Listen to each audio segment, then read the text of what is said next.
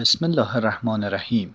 مؤسسه مساف ایرانیان شما را به شنیدن سخنرانی استاد علی اکبر رائفی پور دعوت می نماید. روایت عهد پنجاه و نهم بررسی موشکافانه معاهده پاریس بیستم مرداد ماه 1398 تهران. اللهم صل علی محمد و آل محمد. اعوذ بالله من الشیطان اللعین الرجیم. بسم الله الرحمن الرحیم. سلام علیکم و رحمت. عرض ادب احترام تبریک عرض می‌کنم پیشا پیش میلاد پر از خیر و برکت امام رضا علیه السلام رو خدمت شما. عزیزان همونطور که مستحضری قرار راجع به معاهده پاریس صحبت بکنیم شاید سوال بشه که توی این برهه چرا بهش داره پرداخته میشه. اگر خاطرتون باشه فکر کنم تو همین سالن بود. سند SCGS و وقتی سند توسعه پایدار رو وقتی بررسی می‌کردیم گفتیم یکی از بخشاش پاریسه. اون منجا به صورت زمینی و جزئی یه توضیحاتی دادیم. منتها پاریس و در واقع معاهده پاریس خیلی جدیتر از این حرف باید بهش پرداخته بشه و حداقل بهانه‌ای باشه که این سازوکارهای وحشتناک تو کشور جلوش گرفته بشه. یعنی یا حماقت محض یا خیانت محض. من قضاوت نمی کنم حالا مطالب رو ارائه میدم. تا جایی هم که تونستم عینا ارجاع خواهم داد به صحبت ها اینا یا جهل محض طرف کاربلد نیست یا واقعا داره خیانت صورت می‌گیره. و من سوالم اینه که اگر اینا اشتباهه چرا یکی دو بار اشتباهی به نفع ما نمیشه؟ توی اشتباهی دیگه پنجا پنجا یه بارم مثلا به نفع ما بشه. اینقدر دقیق اینقدر فنی به ضررمون میشه که خدا شاهده انگار ده سال آدم گذاشتن تو شاخه های مختلف تخصص های مختلف که چطور بزنیم پدر این مملکت رو در بیاریم. و من به عنوان یه مسلمان به عنوان یه ایرانی نمی‌تونم بپذیرم نمی‌تونم تحمل کنم. و شما هم دیدید دیگه دائم هر روز دارم هزینه میدم بابت این حرفا. یه سری مطالب و اسناد در اولین بار در کشور اینجا ارائه خواهد شد. نمیشه نامه ها رو رسما می‌خوام بنوزم رو پرده چیز شما ببینید. پرده ویدیو پروژکتور. ببینید و قضاوت با خودتون. نکته دیگه این که بالاخره برخی از این مسائل نیازمند مطالعات میان رشته ایه یعنی شما هم باید یه خورده سیاست بدونی هم یه خورده اقتصاد سرت بشه هم یه خورده دشمن شناسی داشته باشی هم یه خورده جریان های سیاسی داخلی رو بشناسی جریان شناس باشی. تحلیل داشته باشی نسبت به صهیونیسم جهانی که بتونی اون میونه به قولی یه تحلیل منصفانه ارائه بدی. خب؟ حالا من با این مقدمه بحثم رو شروع می‌کنم و در واقع یه پاسخی هم باشه که در واقع اینا هر چی فشار رسانشون رو بیشتر بکنن این طرف هم پاسخهای محکمتر خواهند شد اینو ادامه خواهد داشت. یعنی ادامه بدن ما دفعه بعد چیزای سنده دیگه میارم رو می‌کنم. و بیشتر. فعلا هم به خاطر چین کار رو نمی‌کنه؟ به خاطر حفظ آرامش جامعه.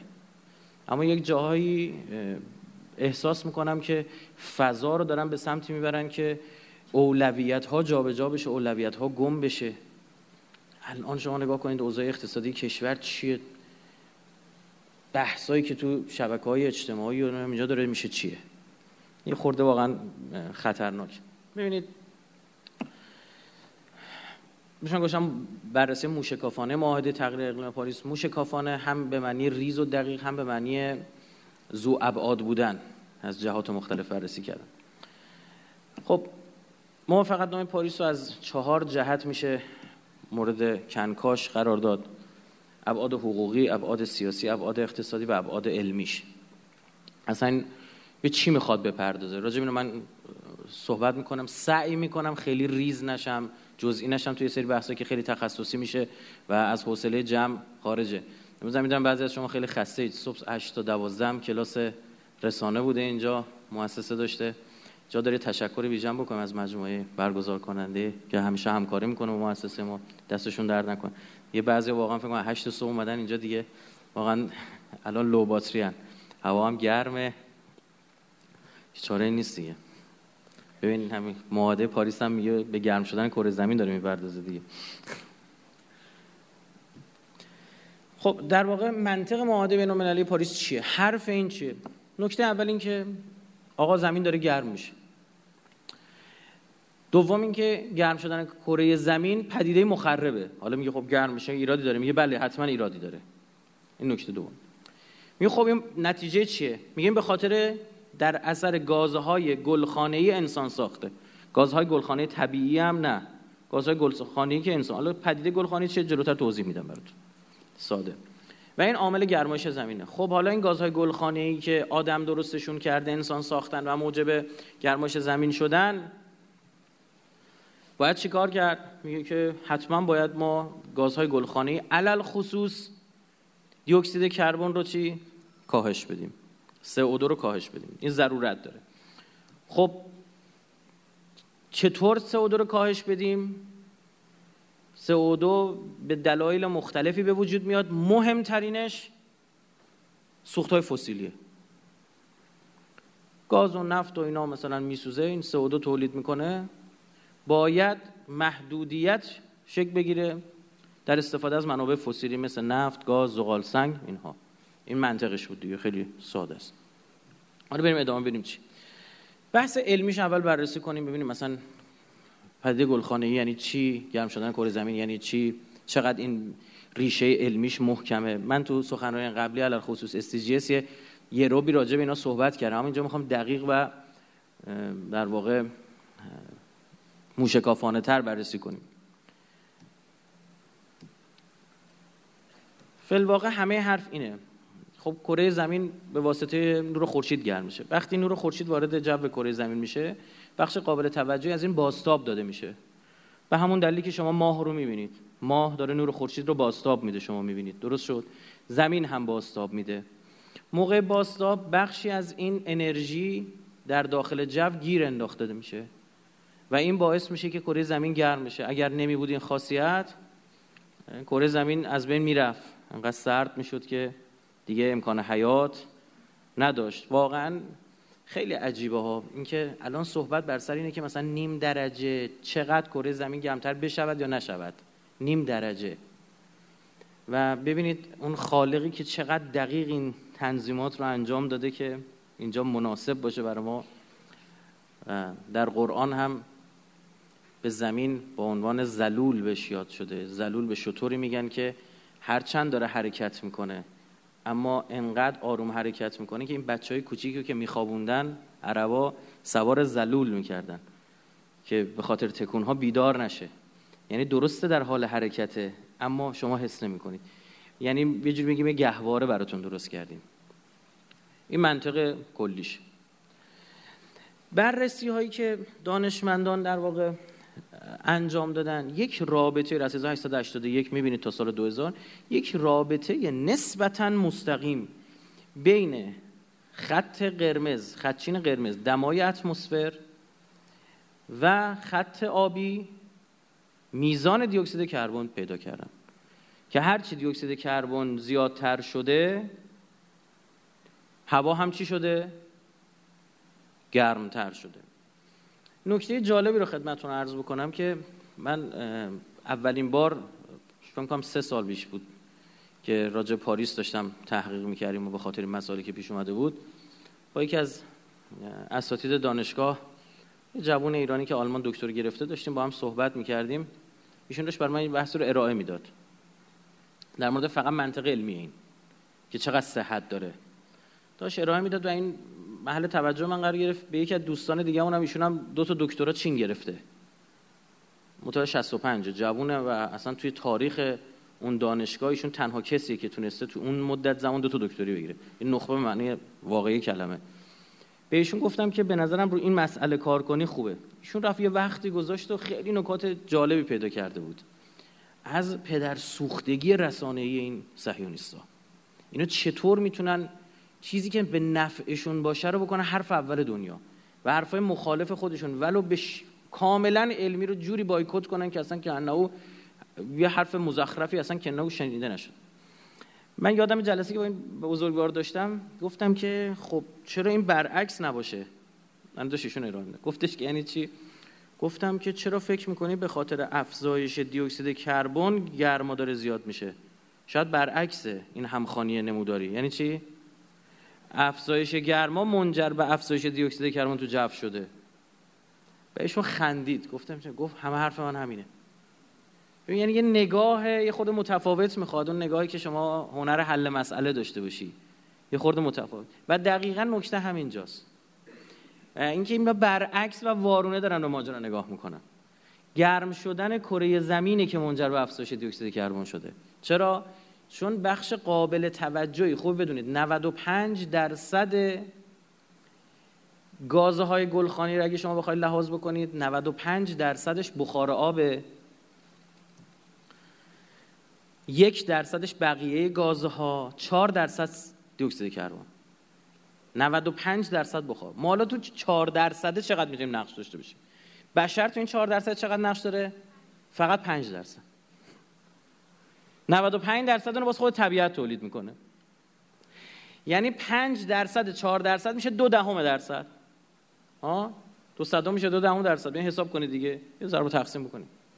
ببین چقدر عجیبه. توی میزان بسیار کم. حالا یه نفر میاد میگه خب همون کمش ممکنه تاثیر گذاشته باشه. بالاخره پروانه یه جا بال زده فلان جا طوفان شده. از این حرفا. ببینیم بررسی کنیم ببینیم چقدر منطقی و معقوله. نکته دقیقا همین بود که بسیاری از دانشمندان به یک رابطه بسیار منطقی تر رسیدن. اون چی بود؟ اینکه منبع اصلی دی اکسید کربن کره زمین آب اقیانوس هاست. دی اکسید کربن محلول توی آبه. وقتی که گرمایش زمین بیشتر شده که یه دلیل دیگه داره که خواهم گفت بخار آب بیشتر شده. اصلا گرم شدن آب دی اکسید محلول در خودش رو رها می‌کنه. شما نوشابه های گازدار دیدید؟ دقیقا همینه. وقتی گرم میشن شروع می‌کنن گازشون رو خالی کردن. و وقتی خنک نگه داشته میشن گاز درونشون چیه؟ میمونه.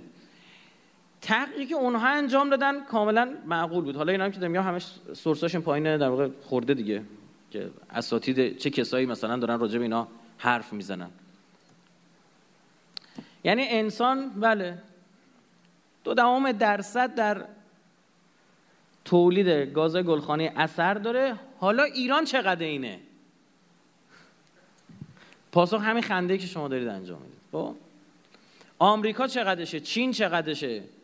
کشورهای توسعه یافته که دیویست سال صنعتی شدن شروع کردن پدر کره زمین رو در آوردن.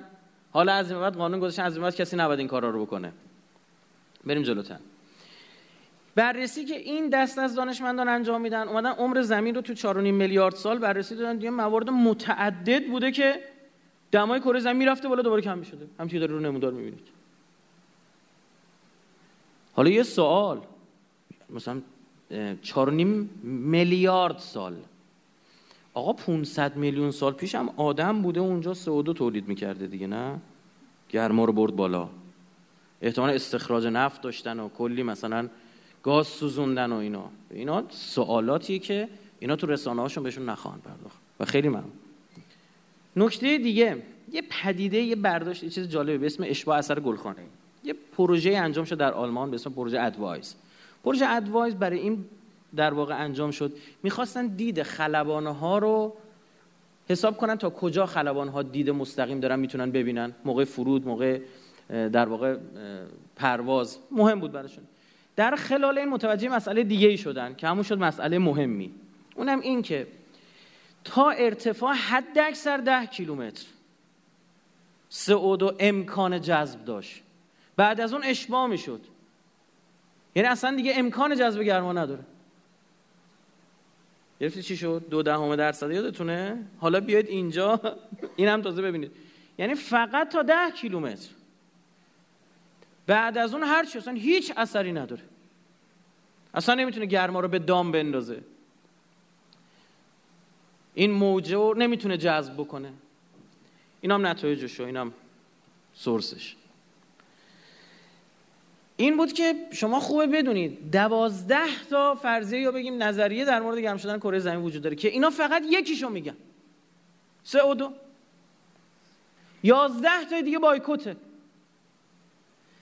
که از غذا این نظریه لکهای خورشیدی بسیار بسیار از نظر من مهم محکمترن. منم که دارم در واقع بر مبنای نظر خیلی از پژوهشگرای بزرگ دنیا دارم میگم. و حتی اقلیم شناسی داخل کشور خودمون. خیلی از اساتید دانشگاه خودمون هستن الان در مقابل اینا ایستادن دارن حرف می‌زنن. بندگون خدا هیچ کی اصلا صداشون نمیشنم یه بار تلویزیون دعوت نمی‌کنم اینا حرف بزنن. صبح تا شب برنامه تلویزیون ما در راستای توافقنامه پاریس. و اینا همون جوری که در راستای یوز پلنگا بود. همون جوری که در راستای آب هست ولی کم هست بود. خاطرتون هست؟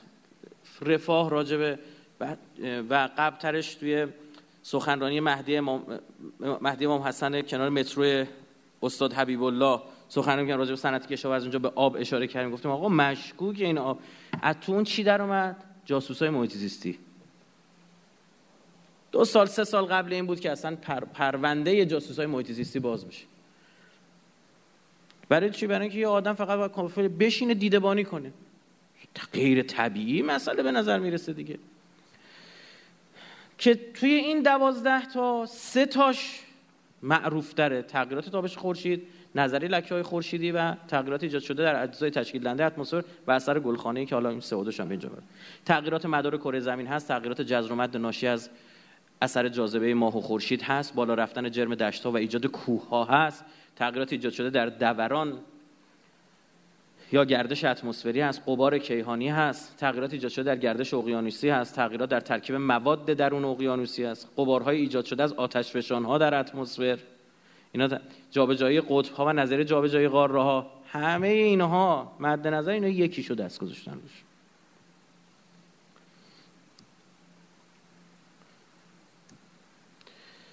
فعلا هیچ اتفاق نظر روی هیچ از این نظریه ها به صورت قطعی وجود نداره اما چون نظام سلطه می‌خواد نظریه سه و دو معروف مطرح شده است. یوی میان میگن 90 درصد دانشمندان جهان اینطور میگن. حرف مفته ها. خب چه میگه 90 90 بگو 95 بگو 84 درصد مثلا. عدد همینجوز خودشون میگن. وقتی من بررسی داشتم می‌کردم دیدم دقیقا حتی نقطه مقابل این هست. یک جایی صداها فریادها زدن پتیشن جمع بری کردن تومار نوشتن امضا جمع کردن اساتید دانشگاه. صداشون رو نشنیدیم.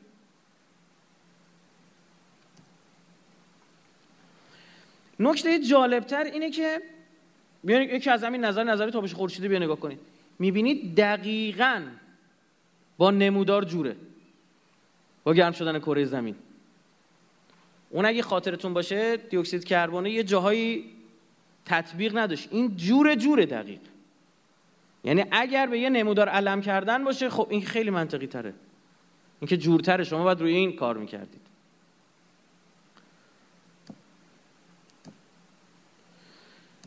ببینید مقاله دانشمندان مختلف 1998 تا سال 2007 مقاله هایی نوشته که صداش هیچ جا در نیامد یا مثلا این پتیشنی که جمع آوری کرد دکتر فردریک سینز رئیس سابق آکادمی ملی علوم آمریکا. یعنی آدم عادی هم نیست دکترا عادی نیست. برنده مدال ملی علوم آمریکا و بسیاری از جوایز دیگر. 32 تا فقط مدرک دکترا افتخاری داره. دکترا خوش به کنار 32 تا افتخاری بهش دادن بنده خدا رو. خب؟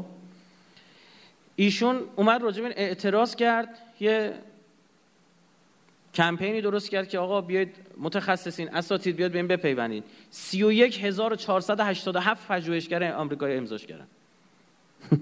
اینا آدم نیستن. اینا پژوهشگر نیستن. که 9029 تاشون پی اچ دارن. صدا اینا رو در نمیاد. اینا آدرسشون می‌تونید ببینید و اما IPCC پشت سر کیاس این کنوانسیون شکل گرفت در تغییر اقلیم پاریس و قبل ترش هم بوده و از 2015 به بعد پاریس خونده شد اینا پشت سر اون کسانی که میگن سه و و هنر رسانه ای دارن و یهویی نشون میدن یخهای قطب شمال داره آب میشه یه طول خرس قطبی رو شما می‌بینید که در اثر گرما اینجوری داره دست و پا می‌کشه روی زمین و داره جون میده و اون طرف یهویی یه کارخونه رو نشون میده که داره ازش مثلا دود میاد بیرون. تموم. شما به عنوان یه انسانی که روی کره زمین داری زندگی می‌کنی آتیش می‌گیره دلت میسوزه میگه وای ما انسان ها کره زمین رو نابود کردیم. بله ما نابود کردیم جورای دیگه هم نابود کردیم. فقط گیر نده قفلی نزن روی به قولی سه و دو. و اینا همین اول میگم. اینا این مردن مثل بقیه مباطر بیان بیان مناظره. بنده اعلام آماده می‌کنم تلویزیون و صدا که با شما رفیقه. خب قولم میدم کاملا داخل چارچوب های خطوط قرمز سازمان صحبت بکنم. یه مناظره بذارن دو تا مناظره بذارن سه تا مناظره بذارن پنج نفر بذارن اونور یه نفر اینور. هر جو دوست دارن. خب بیان بشین مردم حرفو بشتن برنامه سوریه کار خوبی انجام داد. یه مناظره گذاشت نظرسنجی که از مردم 91 درصد مخالف پیوستن بودن. بعد از دیدن مناظره. ببینید چیه؟ و به ابعاد مختلف اون مناظره به نظر من خیلی خوب بود منتها به ابعاد مختلف نپرداخت. بحث علمیش باید جدا بحث شه. اقتصادیش جدا بحث شه. سیاسی امنیتیش جدا باید بحث شه. ابعاد حقوقی بلایی سر ما بیارن که صد رحمت به تحریم های هسته ای می‌دونی چرا؟ تو تحریم های هسته همه دغدغه هسته ای ندارن. اما اینجا می‌خواد بگه آقا کره زمین داره نابود میشه. ایران کوتاه نمیاد میگه باید کره زمین نابود کنیم.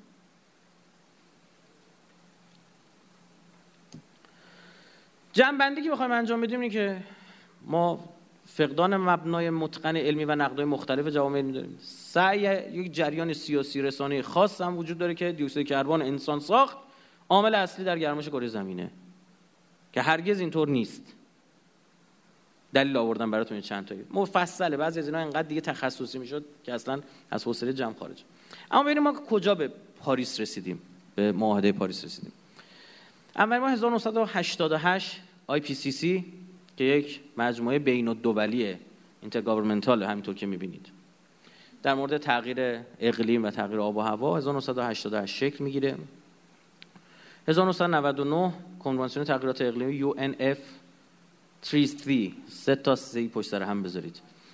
هدف ایجاد ثبات در تراکم گازهای گلخانه. گفتن فعلا ثابت نگهش داریم بیشتر از این نشه. زمینه یک دولت های توسعه یافته و در حال گذار. زمینه دو کشورهای بسیار توسعه یافته. گفتم فعلا با کشورهای در حال توسعه نیافته کاری نداریم. اونا که توسعه یافتن بیان کمک کنن. از خودشون شروع کردن. تصویب دولت و مجلس ایران 1375 اینا رو خیلی چیزی نبود چون با ما کاری نداشت. با کشور توسعه یافته کار داشت بریم امضا کنیم باشه یعنی ما با اینم زیاد مشکلی ندارم. کارم ندارم. 75 دولت هاشمی بود کی بود مثلا؟ مثلا با ایناش کار ندارم.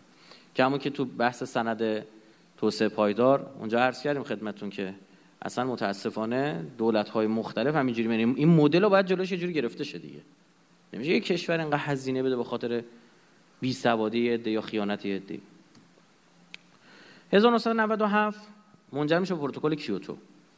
میگه 37 کشور توسعه یافته باید تا 5 درصد کاهش بدن. زمینه بی این هم مقادیر تعهدات رو میاره. میگه که چقدر هر کس متعهده. اصول پروتکل کیوتو چی بود؟ انتشار دی اکسید کربن انسان ساخت علت گرمایش زمین است. این قطعی. این مبنا شد. الزام کشورهای توسعه یافته به کاهش گزارش و پایش میزان انتشار توسعه کشورهای در توسعه. توسعه یافته کاهش اینا هم بیان گزارش بدن که در حال توسعه 2005 تایید پروتکل توسط روسیه و کانادا. در سال 2000 تا 2005 در واقع. آغاز اقدامات کاهش انتشار برای دوره 2008 تا 12 رو تصمیم می‌گیرن. الحاق ایران در سال 1384 با تصویب چی؟ مجلس. یعنی ما دیگه رسما به پروتکل کیوتو میپیوندیم. ادامش. از 1998 تا 2012 کنفرانس های موسوم به COP. برگزار می‌شد. ای بحث های مختلف علمی صورت می‌گرفت. نماینده کشور مختلف می‌رفتن که گفته یه بار تو مثلا تو بوینس آیرس آرژانتین بوده یه تو بوده مراکش بوده دهلی نو بوده میلان بوده نایروبی بوده و بقیه جاهایی که حالا اسمشون براتون تو پاورپوینت آوردم. 2012 پایان دوره اجرای پروتکل کیوتوه و میرن تمدیدش می‌کنن در دوحه تو COP ی که در دوحه برگزار میشه اونو تمدیدش می‌کنن نهایتا 2015 منجر میشه به توافق پاریس. پاریس یعنی 2015 چی میشه؟ نتیجه و بچه کیوتوه. IPCC اینو میارش. و آرام آرام به دنیا می 2015 دیگه به قول این جنین متولد شده. اولین معاهده جامع اقلیمی جهانه. و کشورها تعهد میدن از 2020 شروع کنن تا 2030 تموم کنن. تا 20 سی. چرا 20 سی؟ به خاطر تو سند توسعه پایدار عرض کردیم SDGs Sustainable Development Goals.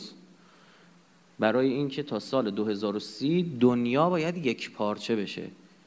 مدلی که ما میگیم برای توسعه رو شما باید اجرا بکنید. حالا این ابعاد مختلف داشت بخش مختلف داشت بخش حقوقی غذایی داشت بخش فرهنگی آموزشی اینا داشت که شما EBC ایژوکیشنش رو که اون هم با شاخهای مختلف داره با همین عنوان سند آموزشی تربیتی 20 می‌شناسید. این یک جزء از SDGs همه چی دیگه 17 تا بخش داشت یادتون باشه. از life below water از زندگی زیر آب بگیرید تا on land تا روی زمین. هر چی. شهرسازی رفتارهای انسانی تعاملات ارتباطات سلامت منابع آمایش سرزمینی همه چی رو شخم زده بودن. و عرض کردیم که 60 70 سال طول کشید تا بتونن برسن اول رسن به MDGs میلینیوم سنت توسعه هزاره. بعد اونم ایراداتش گرفتن شد سنت توسعه پایدار و SDGs و قرار شد کشورها توی 2015 برنامه ملی مشارکت خودشون رو بیان اعلام کن که NDC بهش میگن. که آقا سند توسعه پا... سند از می‌خوام. برنامه ملی مشارکتی من اینه. من تعهد می‌کنم این کارا رو انجام بدم. INDC یعنی مد نظر. اینا رو می‌تونه انجام بده اما NDC یعنی رو انجام میدم تعهد می‌کنم. این فرق این INDC و NDC تو اینه. NDC یعنی چیزی که پذیرفتی اعلام کردی و موظفی باید انجام بدی. 2016 نشست سازمان ملل 194 تا کشور. تصویب 132 132 کشور 4 نوامبر هم که 55 کشور با 55 درصد انتشار در واقع شرکت کرده بود. این تا اینجا که بدونید اصلا این چجوری شروع شد تا اینجا. حالا بریم وارد این بخشاش بشیم. علمیشو گفتم بهتون سه بخش. سعیم می‌کنم تونتون میگم زیاد خسته نشید. امروز دو تا کلاس داشتید قبلش. اون مباحث هم که عرض کردم اون برمیگرده به بخش ایران اون انتهای پاورپوینت. من دیدید دیگه یه صفحه کاغذ که دارم 400 روش سخنرانی می‌کنم. این 96 تا چیزه. اسلاید زیاد نگران نباش همش نقاشی عکس مکس ببینید تون رفتیم با یه صلوات نذر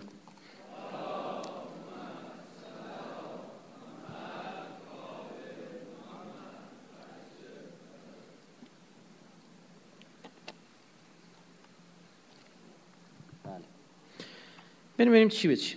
خب اینا بحث خیلی خوبه علمی جذابیه. دقت کنید. اولا سبد تولید برق جهان چجوریه؟ چند درصد از کجا داره تولید میشه؟ الان شما گفتم برق دنیا چجوری تولید میشه؟ هم گفته آبیه بیشتر با آب هیدروه. وقتی نگاه می‌کنید ببینید بیشترین چیه؟ زغال سنگ. خیلی هم ارزون.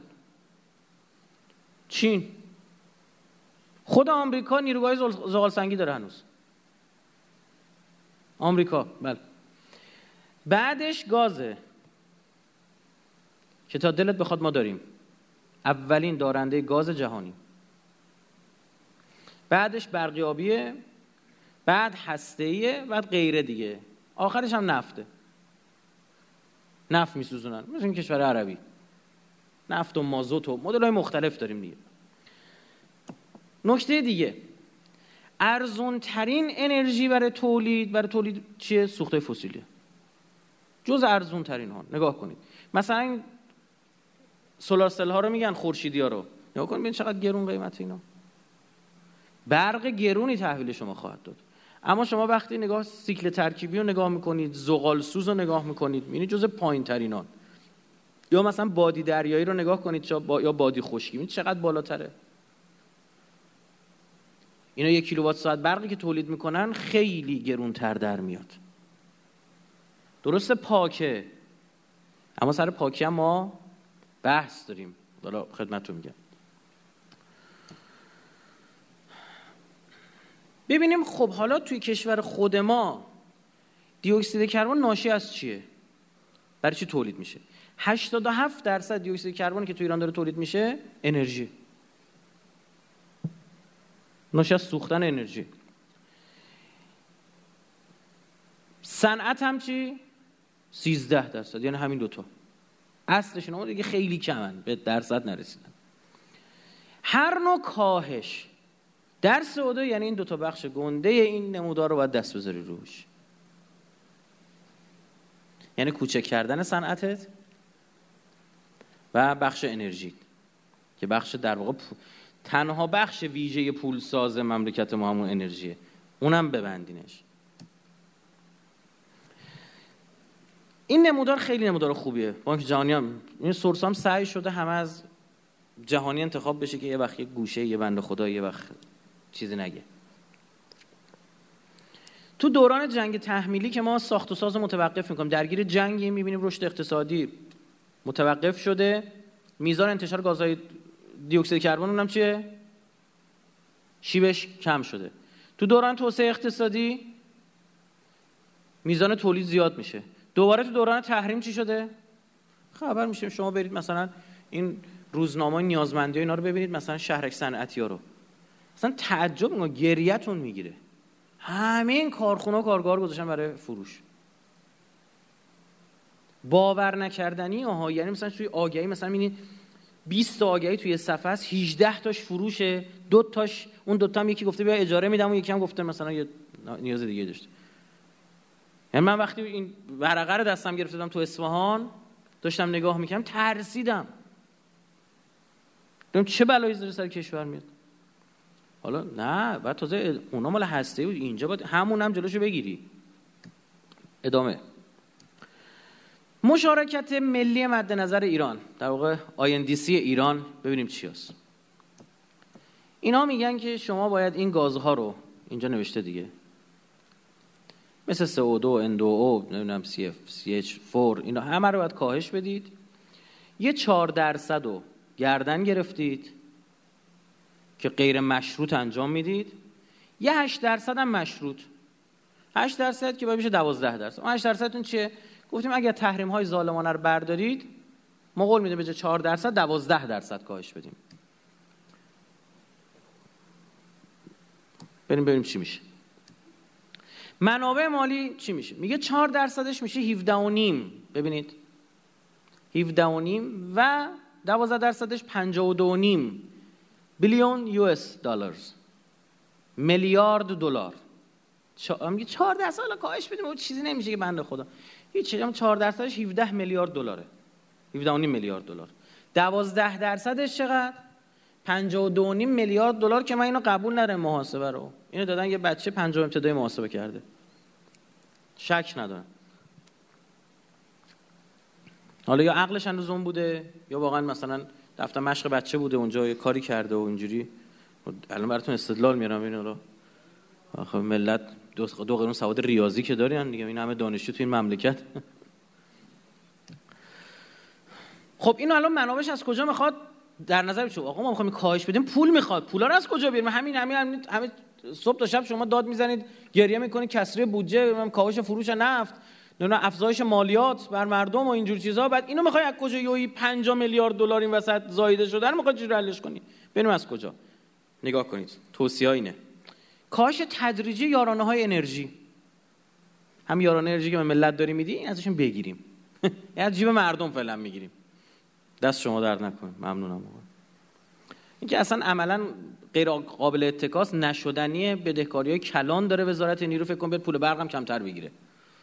اوضاعش خرابه. الان خیلی بخش خصوصی اصلا هیچ تمایل ندارن با وزارت نیرو کار کن پدرشون رو در آورده. برق تولید می‌کنن میدن به وزارت نیرو زیر قیمت ازشون می‌خره 6 ماه بعد پولو میده. دو صندوق ملی محیط زیست با موجودی تقریبا صفر. صندوق پول نیست اصلا توش. از اونجا تعمیر می‌کنیم. سه همکاری بخش خصوصی. با توجه به تعهد 50 میلیارد دلاری تقریبا غیر ممکنه. اونم کجا؟ تو بهرهوری. ما از 1995 تا 2005 1990 تا 2005 تو بخش نفت ما که اصلا هلو به گلو همه دنیا دوست دارن بیان اونجا سودش خیلی بالاست. 30 میلیارد دلار تونستیم جذب کنیم. 32 میلیارد دلار.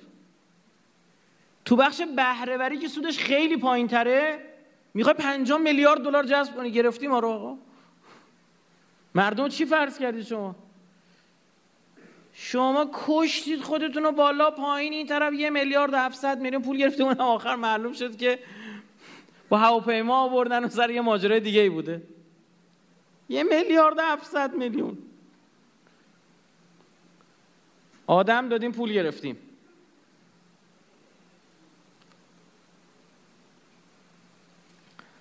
بحثش هم داغه. یکی دیگه بریم کمک های بین المللی بگیریم. یعنی مردم مثلا کشور دیگه تو دنیا بیان جا پول بدن به ما اینا رو درست کنیم. چقدر خوب چقدر جالب آره. کمک های بین المللی تو رو تحریمت نکنن. در کمک بین المللی می‌خوای بگیری. نه که نوشتی هم نه که دقیق مشخص کرده. ای کاش اندازه پاکستانی ها عقل می‌داشتید. نوشتم ما به شرط انجام میدیم 40 میلیارد دلار بهمون پول بدید. با این انجام نمیدم اما اول همین. به که خواستید بکنید. هیچ کلیگویی در صورت کمک بعد در صورت کمک هم این طرف چی میگه؟ ده تا تراکتور برات میفرسته میگه اینم کمک من بود. باید انجام بدی. حقوقی تو پذیرفتی تو مبهم نوشتی اینو. مگه نبود سر ماجرای سیل زده ها این بیشرف ها چقدر کمک کردن به کشور؟ جوک بود کفش فرستادن چند کفش فرستادن یه دو میلیارد تومن تومن ما. که اسمش در می‌کنه. آقا کمک کرده تادی اروپا. کمک کرد دیگه. بالاخره این آش یه نخودم بندازیم که من نقش داشتم در تولید این آش. درست شد؟ اما چقدر کمک کردی؟ چجوری این همچه ما سالانه 800 میلیون تن انتشار داریم که 650 میلیون تنش سهم انرژیه. بقیه هم دامداری و اینجور چیزاست جنگل زدایی و اون به خاطر ایناست. خب تا 20 سی برآورد اینه که ما میشیم یک میلیارد و 800 میلیون تن. که 4 درصدش رو حساب بکنیم میشه 70 میلیون تن. یعنی 70 یعنی ما پذیرفتیم 72 میلیون تن کاهش بدیم تولید و انتشار گازهای گلخانه یعنی علل خصوص CO2 با قیمت دلار دیروز گرفتم من. من وقتی سخن دارم روایت دارم حس امتحان زمان دانشجومونه دانشجومونه دارم. یعنی من تو ماشین آخرین اسلاید رو نوشتم. یه داغ داغ. دیروز قیمت گرفتم دلار رو 12700 بود. چون فرق می‌کنه امروز یه چیز دیگه است احتمالا. خب؟ با قیمت دیروز معادل 16 سال بیش از 16 سال یارانه کشوره این عدد دستتون میاد؟ بیش از 16 سال یارانه 85 میلیون آدم.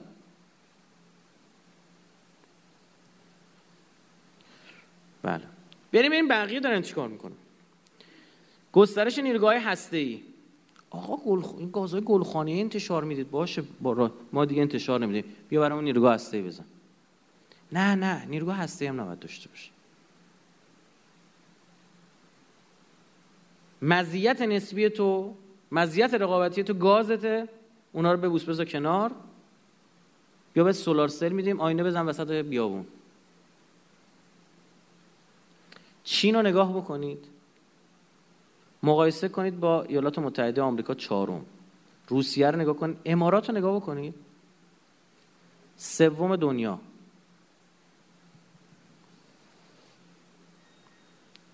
امارات متحده عربی. بعد ما که نیستیم مثلا توی این رنج ندیستیم.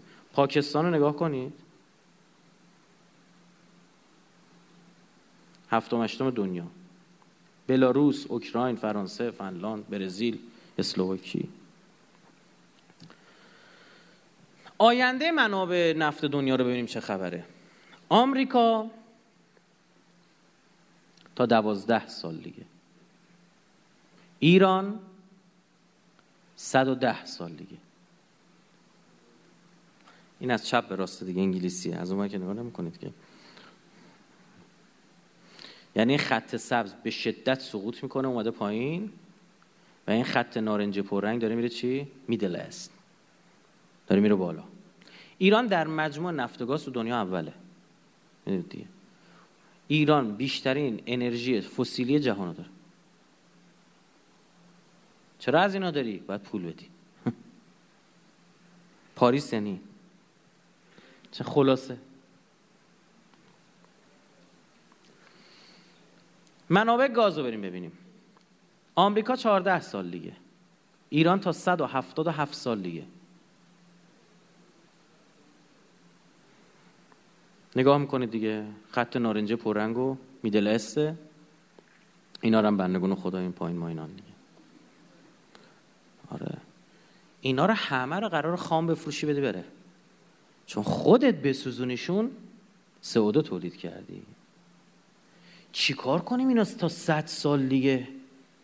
اینا قدرت نظامی هم شدن دیگه نمی‌تونیم واسهشون کری بخونیم بهشون حمله چیزی بکنیم.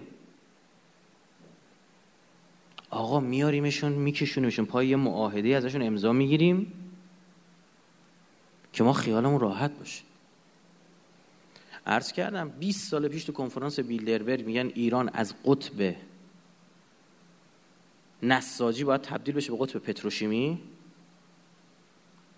و همین اتفاق میفته کل نساجی ما تعطیل شد. اسماش مونده نساجی مازندران رو تیما و اینا. استان گلستان می‌دونیم چه مزارع پنبه ای داشتیم. همه تعطیل شد. سرمایه ها رفت توی پارس جنوبی. برای چی؟ به خاطر که روی میدان گازی مشترک ما با قطری مسابقه بدیم که هر کی زودتر برداشت بکنه و بیشتر برداشت بکنه که بفروشه. قابلیت ذخیره سازی آنچنانی هم نداره. بفروشه به کی؟ به اینا. بعدیش. جایگاه ایران در زمینه انتشار کربن تو سال 2014 چی رو می‌بینید؟ این کوچولو هم اینجا ایرانه. یعنی یه درصد نیست شیش دهم. یادتونه دیگه؟ 95 درصد طبیعت تولید می‌کرد. 4 درصد 95 درصد بخار آب بود. 4 درصد دی اکسید بود. از اون 4 درصد 95 درصدش باز طبیعت تولید می‌کرد. 5 درصدش رو انسان تولید می‌کرد. می‌شد دو دهم درصد. از اون دو دهم درصد 6 دهم درصدش رو ایران داره تولید می‌کنه. آج خانم دویده رفته امضا کرده.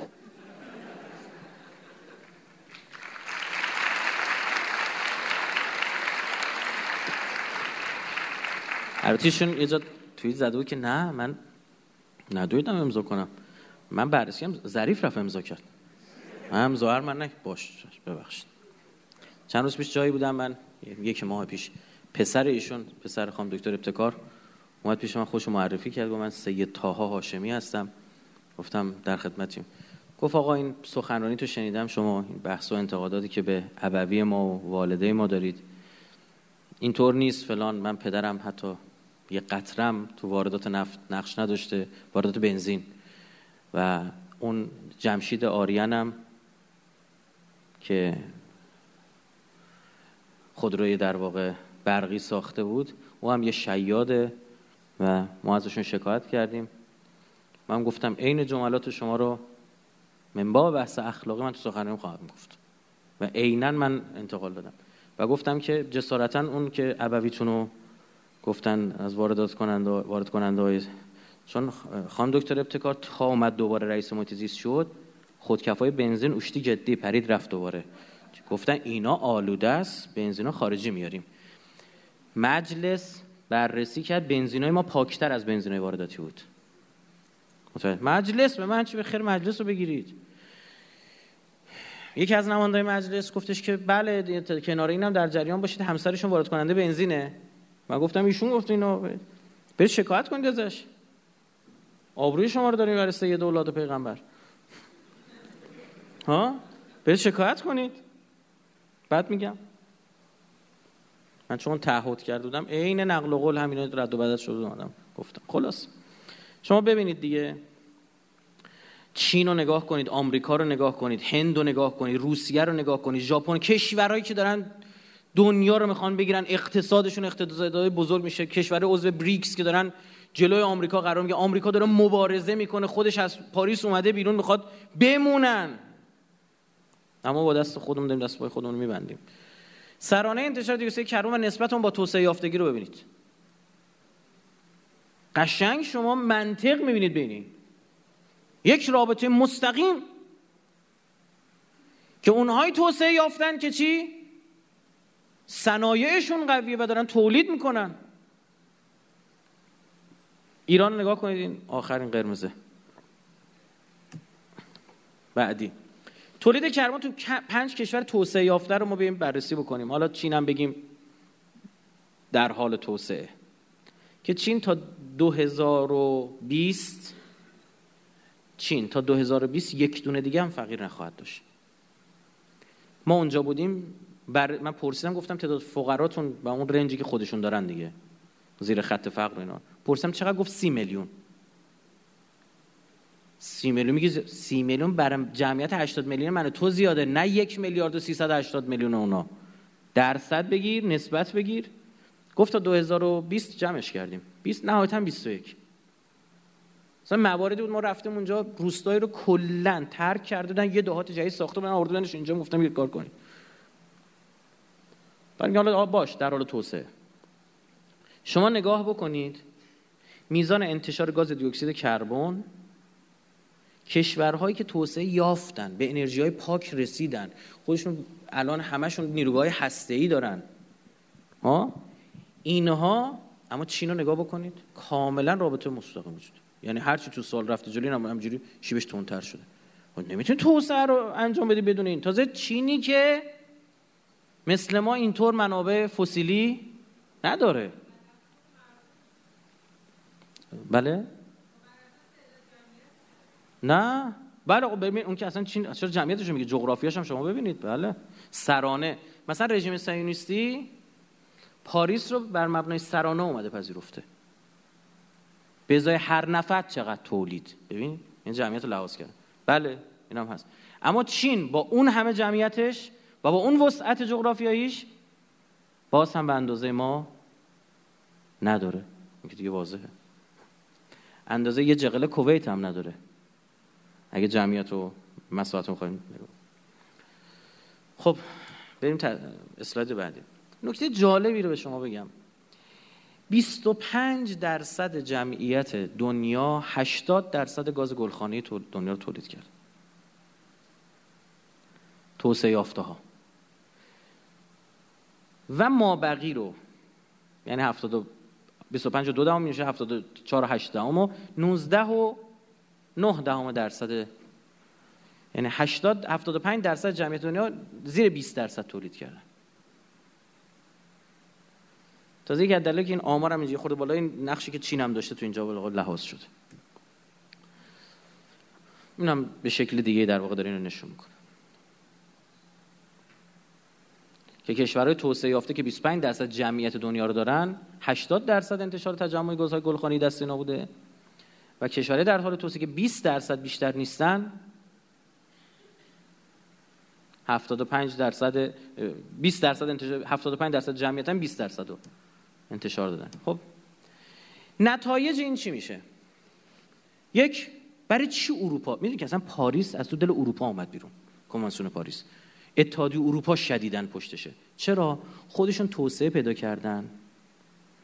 الان داره پدرشون در میاد بابت گرم شدن کره زمین که هیچ ربطی به سعودو نداره. میگن چیکار کنیم؟ یه, یه پولی اینا بگیریم. برای آیندهمون چیکار می‌کنه؟ یک پایین نگه داشتن قدرت رقابت رقبای آیندهشون. دو ما خام فروشی مجبوریم بکنیم دیگه. خیالشون تخت. ببینید مثلا آقای هاجون چانگ اقتصاددان کره استاد کمبریج. این چی میگه؟ دانشگاه کمبریج. میگه که سیاست این کشورها سرنگون کردن نردبان توسعه بر سر کشورهای در حال توسعه است. میگه خودشون اگه نردبان رفتن بالا رسیدن پشتمون نردبان انداختن رو کلهشون. که شماها دیگه نید اینا می‌خوان توسعه یافته باقی بمونن و همیشه استعمارگر باقی بمونن. بابا تو استعمار دوره استعمار ما همینجا سخنرانی کردیم گفت استعمار کهن داشتیم یه استعمار نوین داشتیم استعمار فرانوین. تو استعمار کهن بود می‌رفتن یه جا رو می‌گرفتن. تو استعمار فرانوین با همین قواعد و قوانین بین المللی یه کار می‌کنه تو خود مستعمره میشی. مستعمره شیکی. یه موقع دزده میاد چوب دستش میمیزه تو کلت دزدی می‌کنه. یه موقع از کلاهبردار خیلی حرفه‌ای میاریش خونتون یه ما میاد خونتون شام و نهارش میدی یه روز میره اطلاعات برداشت برد. خود دو دستی پولم بهش میدی. خیلی هم عاشقشی دمش کم می‌خواد سود خوب به ما بده. درست هر جفتشون دزدن. اروپایی ها از اون شیکای کروات زده تر و تمیزشن اجداد اینا همونایی که جنگ جهانی رو انداختن. پای آدم کشی برسه دست مغلا رو پشت اینا میبندن. ندیدی چی کارو کردن؟ یه مرور ساده دیویست سال گذشته دنیا رو نگاه کنید. انگلیس چیکار کرد با دنیا؟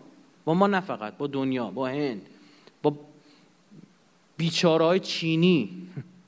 1997 هنگ کنگ از برگشت دوباره مثلا زمین شد به چینا. می‌دونید که 1997 اینن. الان دیگه شیوه جدید. هنر ایناست تو حوزه رسانه‌ای هنر اینا تو آدمای نفوذی که تو کشورها دارن و این کارا رو براشون انجام میدن. دو افزایش امنیت انرژی خودشون با کاهش وابستگی به نفت و گاز. الان شما نگاه کنید سر ماجرای تحریم ایران اینکه ایران دارنده نفت و گاز اینا رو بیچاره کرده. سالها طول کشید کشورهای رو قانع کنن که از ایران نخرن. چون می‌دونی اونا پالایشگاه هاشون رو متناسب با نفت خریداری خودش خریداری شده تنظیم می‌کنن. یعنی این که شما میگه خب چرا خوب نمیرن؟ یه کشور دیگه بخره کلی باید اونجا تغییرات تو پالایشگاهش به وجود بیاره. اون پالایشگاه رو تنظیماتش اصلا ساختش مبتنی بر نفت ایران انجام داده. آرام آرام الان هنوز که هنوز آمریکا داره معافیت نفتی میده برای سری از کشورها. میگه فعلا شما می‌تونید از ایران بخرید. چون نمی‌تونه حذفشون بکنه اینا باید این وابستگی رو از بین ببرن. سه وابسته سازی کشورهای در حال توسعه به فناوری کشورهای غربی. حالا بسم الله ما باید چیکار کنیم؟ از فردا توربین بادی از فردا سولار سل. اینا کجا؟ باید وارد بکنی؟ اروپا. آلمان ایتالیا. باید بری از اونا بگیری. و بسیار گرون وابستگی رو بهت بگیم چی کارا کردن؟ چه مصوباتی تو مملکت داشتیم نگاه کنید فقط حفظ بازار تولیدات صنعتی خودشون به بهانه اقتصاد سبز. اصلا استعمار چیکار می‌کرد؟ منابع تو رو میبلعید تو رو می‌کرد بازار خودش. جز این بود. اومدن هندو گرفتن ادویه‌شو رو میبردن هند بازار خوبی بود برای اونجا. ایران اومدن نفت اونو بردن بازارشون بودیم. الان هم همینه. دوباره می‌خوام منابع انرژی ما رو خام بخرن ببرن بگیرن ببرن با قیمت ارزون. و ما بشیم بازار چی؟ تولیدات انرژی. یعنی ما ببینید چه اتفاقی داره. ما از یک صادر کننده انرژی به وارد کننده انرژی تبدیل خواهیم شد. چون اینا میگن این انرژی انرژی کثیفه. به این نباید دست بزنی. انرژی پاک باید داشته باشی. اون تکنولوژیش پیشرفته است. همون هم می‌خوایم. باشه. هسته ای به ما بده. کجا دادن؟ همون هم قبول. باشه. سلمنا بیاد یه ده تا کارخونه تولید سولار سل بزنید تو ایران. مگه شما نگران نیستی که داره اروپا گرم میشه کره زمین داره گرم میشه و شما جغل کشور انگلیسی که دور تا دورت آب الان یخای قطبی آب بشه تو سواحل تا دست میدی میری زیر آب. اراده الهی حالا مونده. خدا کاری با اینا بکنه. تو نگرانی بابت اون داری دیگه ها؟ بسم الله. بیا م... از خدا باشه. نه آقا. مفتی تو باید بیا اینجا کارخونه سولار سل بزنی. درسته یا نه؟ ما الان تو عراق نمیریم مالچ پاشی می‌کنیم. میریم توی عراق تو بیابونای عراق داریم غیر میپاشیم ما داریم میریم. رفتیم به عراقی گفتیم اگه نمی... بلد نیستید ما بیایم اینجا بیابان زدایی کنیم. بیایم درخت بکاریم. چرا؟ چون ریزگرداتون داره پدر ما رو در میاره. مفتی هم داریم میریم اونجا. برای که مردم اون نگران مردم اون. این نه تازه پولم ازت می‌گیره بازارش هم خدا وکیلی بابای هر چی دزد اینان. آدم آتیش می‌گیره. اگه اینقدر شرف داشته باشه غیرت و غرور ملی داشته باشه آدم آتیش می‌گیره به قرآن. اصلا دین نمی‌خواد. به پیر به پیغمبر اصلاح طلب اصولگرایی نمی‌خواد. نمی‌دونم چپ و راست بنفش سبز قرمز خالخالی راه راه هیچ کدوم نمی‌خواد. اینقدر غرور اینقدر بابا وطن دوستی می‌خواد. من برای همین یه توییت زدم گفتم بابا گذشت دوگانه چپ و راست دهه 60 اصلاح طلب اصولگرای دهه 70 و تا بخش 80 و انقلابی غیر انقلابی دهه 90 دست شما دارم دهه 90 این رنگش فرق داره. انقلابی غیر انقلابی دهه 90 و الان ابتدای 90 و اواخر 80 الان من میگم این دو قطبی هم دیگه نه. وطن دوست وطن فروش. الان اینه. اون یارو پسر سلطنت طلب کلی پخش می‌کنه. برنامه ساخته علیه اسلام علیه امام حسین. خدا شاده من اولین بار که یکی از کلیپ های من واقعا جگرم سوخت. از این میزان جهل و دروغ توی کلیپ که اومدم تو سخنرانی چیز جوابشو دادم دیگه که امام حسین و حسن توی جنگ شرکت داشتن و نمی‌دونم فلان. کدوم سخنرانی بود؟ بگید. آره فتوحات اسلامی. خب؟ فتوحات غیر اسلامی. تو اونجا آمدم جوابشو دادم. اما همون آدم امروز وایستاده میگه آقا مراقب باشید. آقا اینا با برجام می‌خوان مسیر لیبیزاسیون ایران پیش ببرن. آقا اینا می‌خوان ایران رو تجزیه کنن. برای چی؟ برای ایران دوست داره. متوجه شدی؟ اصلا میگم دو قطبی جدید. وطن فروش وطن دوست. الان شما یه سری مثل مثل مسیح علی نژاد و امثال هم اون نمی‌دونم اون یکی دیگه بود که اینجا گرفتنش رو سرش رو در بعد رفت کانادا و شروع کرد اونجا. شاپرک چی بود؟ چی چی زاده؟ شجری زاده. آریا اونا ترامپیستن. اونا میگن به ایران حمله کنید. یا اون خانم معمار صادقی اومده داره صحبت می‌کنه میگه جنگ خیلی خوبه. داره تو آمریکا صحبت میگه حمله کنید به ایران. با جنگ صلحو ببرید به ایران. همونجوری که تو عراق بردید تو لیبی بردید تو افغانستان احیانا بردید تو سوریه بردید. ببین این دیگه اصلا شرف نداره این آدم. اصلا وطن حالیش نمیشه. اما سوال اینجا چرا جرأت ببین نگاه کن. وطن فروشی یه چیزیه. میگن نمی‌دونم یکی از این جاسوسا رفته بود اون طرف به یکی از این سفارت ها گفته بود که آقا من براتون اطلاعات آوردم متاسفانه. حالا کی بود و چی بود اینا بگذاریم. بعد برده بود اونجا اینا گفته بودن باید فلانی تایید کنه. فلانی کی بود؟ یکی همین جاسوسه که قبلتر از او فرار کرده بود. مثلا مثل بنی سعد. گفته این رفته بود پیش اون اون قدیمه بهش گفته بود ببین من وطن فروشی کردم وطن فروشی عاقبت به خیری نداره نکن. بنده خدا به اون گفته بود. بله. نتایج برای کشورهای در حال توسعه چی میشه؟ برای ماها. بازماندن از ایجاد زیرساختهای مورد نیاز برای توسعه مانند نیروگاه ها و پالایشگاه ها ما خام خواهیم فروخت انرژیمون رو.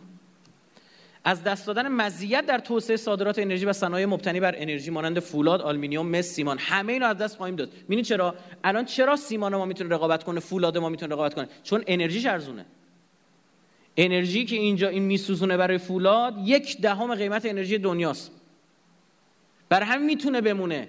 بسته شدن این یعنی تعطیل شدن همه این کارخونه ها. وابستگی به فناوری های وارداتی از کشورهای غربی استعمار جدید وابسته. از دست دادن فرصت تولید و صادرات و تولیدات صنعتی در, در سطح جهان. هیچ وقت هم دیگه نمی‌تونی مثل اونا بشی. چون توسعه یافته نمیشی به اون شکل. تو دائم وابسته ای هیچ وقت صادر کننده درست حسابی نخواهی بود. ایجاد امکان حقوقی برای مداخله اقتصادی و سیاسی در کشور به اسم اجماع جهانی. بعد این میگن اه شما اینجا تخلف کردی تحریم حمله بند هفت سازمان ملل چه چه چه می‌تونن؟ حتی وارد بشن کار دیگه بکن. این تحلیل بی بی سی رو بخونید خیلی جالب. براتون میارم فارسیش ببینید. توی بخشش میگه که محمد جواد ظریف از طرف این توافق رو امضا کرده و از طرف دیگر در همین زمان در نشست خبری خود از افزایش تولیدات در بخش‌های صنعتی ایران که عمدتا بر پایه استفاده از مواد اولیه کربنیستان سخن گفته. بی بی سی تعجب کرده.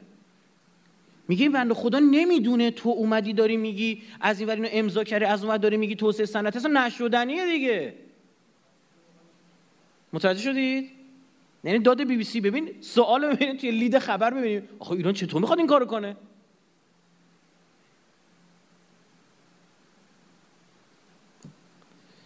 ناصر کرمی اقلیم شناس نور... ساکن نروژ. میگه که ایران در مورد امکان سنجی تعهد کاهش 12 درصد گازهای گلخانه‌ای به خوبی تعمل نکرده است. یه آدم زده انقلاب درجه یک. من کامل بررسی می‌کنم موازهشون و همه چی رو خب خدمت شما عرض می‌کنم یا اصلا قبول نداره. اما اون میگه که خب مگه میشه؟ این حتما یه چی همینجا علکی گفته. مگه فکر کردن 12 درصد از کجا آوردن نوشتن؟ مهرداد امادی مشاور اقتصادی اتحادیه اروپا در امور ایران. ببین چی میگه. تا زمانی که ایران واحدهای تولید انرژی مبتنی بر نفت گاز خود را کنار نگذارد و به سمت انرژی خورشیدی و بادی یه هسته ایران بگون لا غلط کردی ایران بره سمت هسته. باد و ابر و باد و مه و خورشید و فلک در کارن اینا شنیده بودید؟ این شعر ما همیناست. میگه بادی و خورشیدی و آب ببخشید باد قطع شد چه خاکی تو سرم کنم؟ میاد. شب شد تاریک شد هوا. اینا نیست دیگه خورشید چی؟ سولار سل این خورشیدی کار می‌کنه. حالا درست میشه پتو بنازید رو خودتون. اینا CO2 تولید نکنید. الان تو ذهنتون خب یه چیزی تو ذهنتونه که CO2 خب چیز دیگه آلاینده است. حالا بعدم نیست خود هوامو خوب بشه. صبر کن. جلوتر میریم. این بنده خدا میگه اصلا امکان نداریم 12 درصد الکی گفته ایران. باید همه اینا رو تعطیل کنی تو. پس برداشت اونها. از 12 درصد ما اینه که از غذا برداشتی بسیار دقیقه. چون اونا دقیق به عمل می‌کنن. چون دقیقا می‌دونن دارن چی کار می‌کنن. چون بسیار با مداقه سند SDGs نشون داد. چیزایی از ما می‌خواستن بابا آقای عادل زمانی که مسئول مرکز آمار ایران بود می‌گفت بابا این آماری که اینا از من می‌خوان اصلا تو این مملکت به درد هیچ جای دیگه نمی‌خوره. فقط به درد سازمان ملل می‌خوره.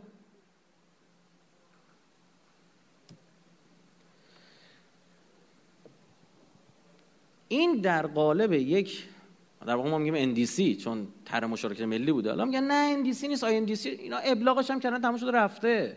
بدون مصوبه مجلس. حالا صحبت می‌کنیم. اینا عکسش هم شما رو سایت خود محیط زیست بود می‌تونستید برید بگردید. یه بخشش ما می‌رفتیم ور می‌داشتیم برداشتن اخیرا. اما خب داریم دیگه save داریم. اینا قشنگ اونجا گفته شده.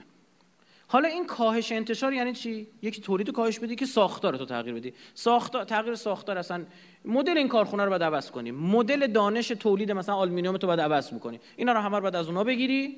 حالا برو گدایی. برو گدایی. برو گدایی. ببینید یه بعض یه نکته به شما بگم. اینا خودشون تو دوره مرکانتلیست ها از تولید ملی دفاع کردن. تمام مرزا رو بستن. خوب که قدرتمند شدن.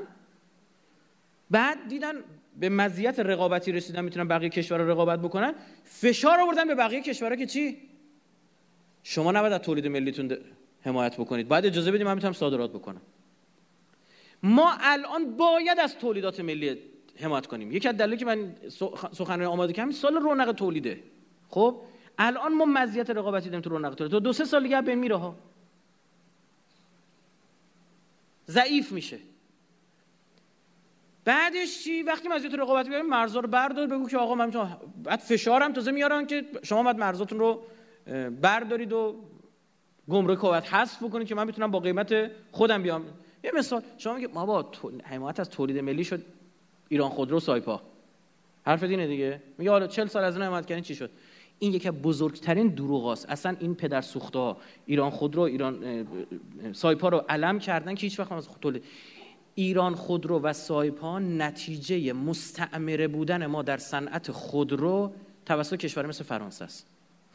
تولید ملی نیست. مثال برای شما بزنم. الان عراق. صنعت تولید خودرو نداره. شما از خدات نیست که بری اونجا. کلی قالب داشتی کلی چیز داشتی کلی تجربات داشتی. اصلا که به درد یه ماشین داشتی رده خارج شد. اسمش چی بود؟ پیکان. از خدات نیست. از یه چیزی که کلا دیگه هیچ درآمدی برات نداره. بتونی یه خورده پول در بیاری. درسته یا نه؟ خب میری چیکار می‌کنی؟ میری توی عراق کارخونه چی بزنی؟ پیکان بزنی. اما عراقی ها قطعا انقدر باهوش و وطن پرست هستن که با تولید پیکان در کشورشون چی؟ مخالفت کنن. فرض کن بریتونی بری بزنی. سوده دیگه. درست شد. بابت انتقال تکنولوژی انتقال دانش فنی مهندسان می‌برن سرک بکشن قطعات بهت میفروشن. کلی اونجا درآمد داری. درست شد یا نه؟ پژو با ما این کارو کرد. 405 یه فیلم من دیدم از این پژو که تازه ساخته بودن یکی از مدل این سگ دنبال یارو افتاده بود. نم دیدید یا نه. کاملا الکترونیکی میشینه دکمه رو می‌زنه فرمون میاد جلوش باز میشه. خودرو هوشمند از ماشین پیاده میشه خانم شروع می‌کنه ورزش کردن دویدن ماشین دنبالش میدوه. از اونا چرا نمیارید؟ صنعت ملی تو تحریما خود پژو شروع کرد اون برقشو میفرسته سیستم برقو قطع کردن. مونده بودن رو 206 چی بنظر برشن برق سمند انداختن. این بود دیگه 206 تیپ نمی‌دونم چند. این کروزر روش نصب نمی‌شد. باید کل سیستم برقش اول عوض می‌کردی که بتونه اون تثبیت سرعت براش بذاری. متوجه شدید تولید ملی یکی دروغاست اینا میگن. منتها به ماها رسانه نمیدن. من اما یه کانال تلگرامی و یه پیج تو توییتر. اونم فوش و فوشکاری. همینه دیگه. تیریمون نمیدن. واقعیتش اینه. بگن هنوز ببینن روشون نمیشه خدا شاهده. هنوز 405 هنوز نمی‌دونم چی. این بابا این خود را تموم شد بابا دیگه. ریشش هم خشکید ول کنه دیگه. نه وانتش هم بزنیم یه دور. ببینیم چیه ارزیابی کنیم. کاهش چهار درصدی یک و دو دهم درصد تقریبا یک و دوازده صدم درصد. از کل حجم اقتصاد ما رو از بین خواهد برد. که بر اساس قیمت های سال 83 میشه 2814 میلیارد تومان. کاهش 12 درصدی بر اساس قیمت 83 7 و دو دهم درصد اقتصاد ما رو از بین خواهد برد. نه تنها رشد که چی؟ کوچکتر هم خواهد کرد. آقای محسن ناصری مدیر وقت طرح ملی تر... آخه میگن بابا ما 4 درصد رو گفتیم قبول می‌کنیم غیر مشروط. مشروط 8 درصد اضافه شده گفتیم اگه تحریما رو برقا بر نداشتید انجام نمیدیم. 17 میلیارد و فعلا بله. خب اون 8 درصد دیگه شد ببینید چی میگه آقای محسن ناصری. مدیر وقت طرح ملی تغییرات آب و هوای سازمان حفاظت محیط زیست. میگه در حال حاضر به نظر می‌رسد قسمتی که 8 درصد را مشروط کرده رفع شده است. مصاحبه با سایت خبر آنلاین. 28 مرداد 95 میگه نه ما باید 8 درصد اضافه رو انجام بدیم. بابا ما الان زیر بدترین و تحریمات کل تاریخ بشریتیم. چی برداشته شده؟ نه اینا مصر که 4 درصد که هیچ 8 درصد اضافهش هم انجام میدم. می‌خوای تو تحریم بکن می‌خوای نکن. داره میگه دیگه من که اسم تو طرف آوردم مصاحبه کرد با خبر آنلاین سایت علی آقا لاریجانی. منتصب بهشون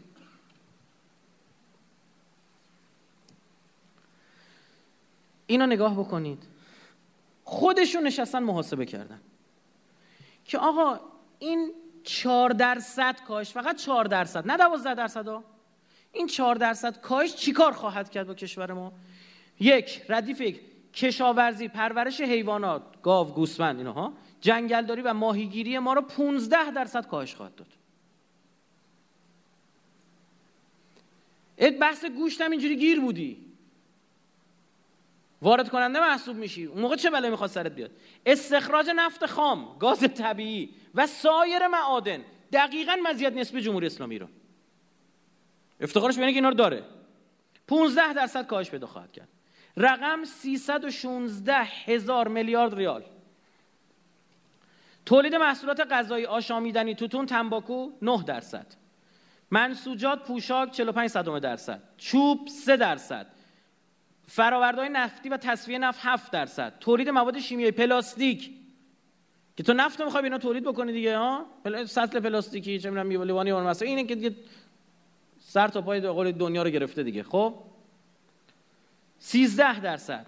فلزات اساسی و محصولات فلزی 10 درصد. ماشینالات وسایل ارتباطی تجهیزات حمل و نقل سایر مصنوعات یک درصد. تولید انتقال و توزیع برق آب گاز 5 درصد. ساختمانی 5 دهم درصد.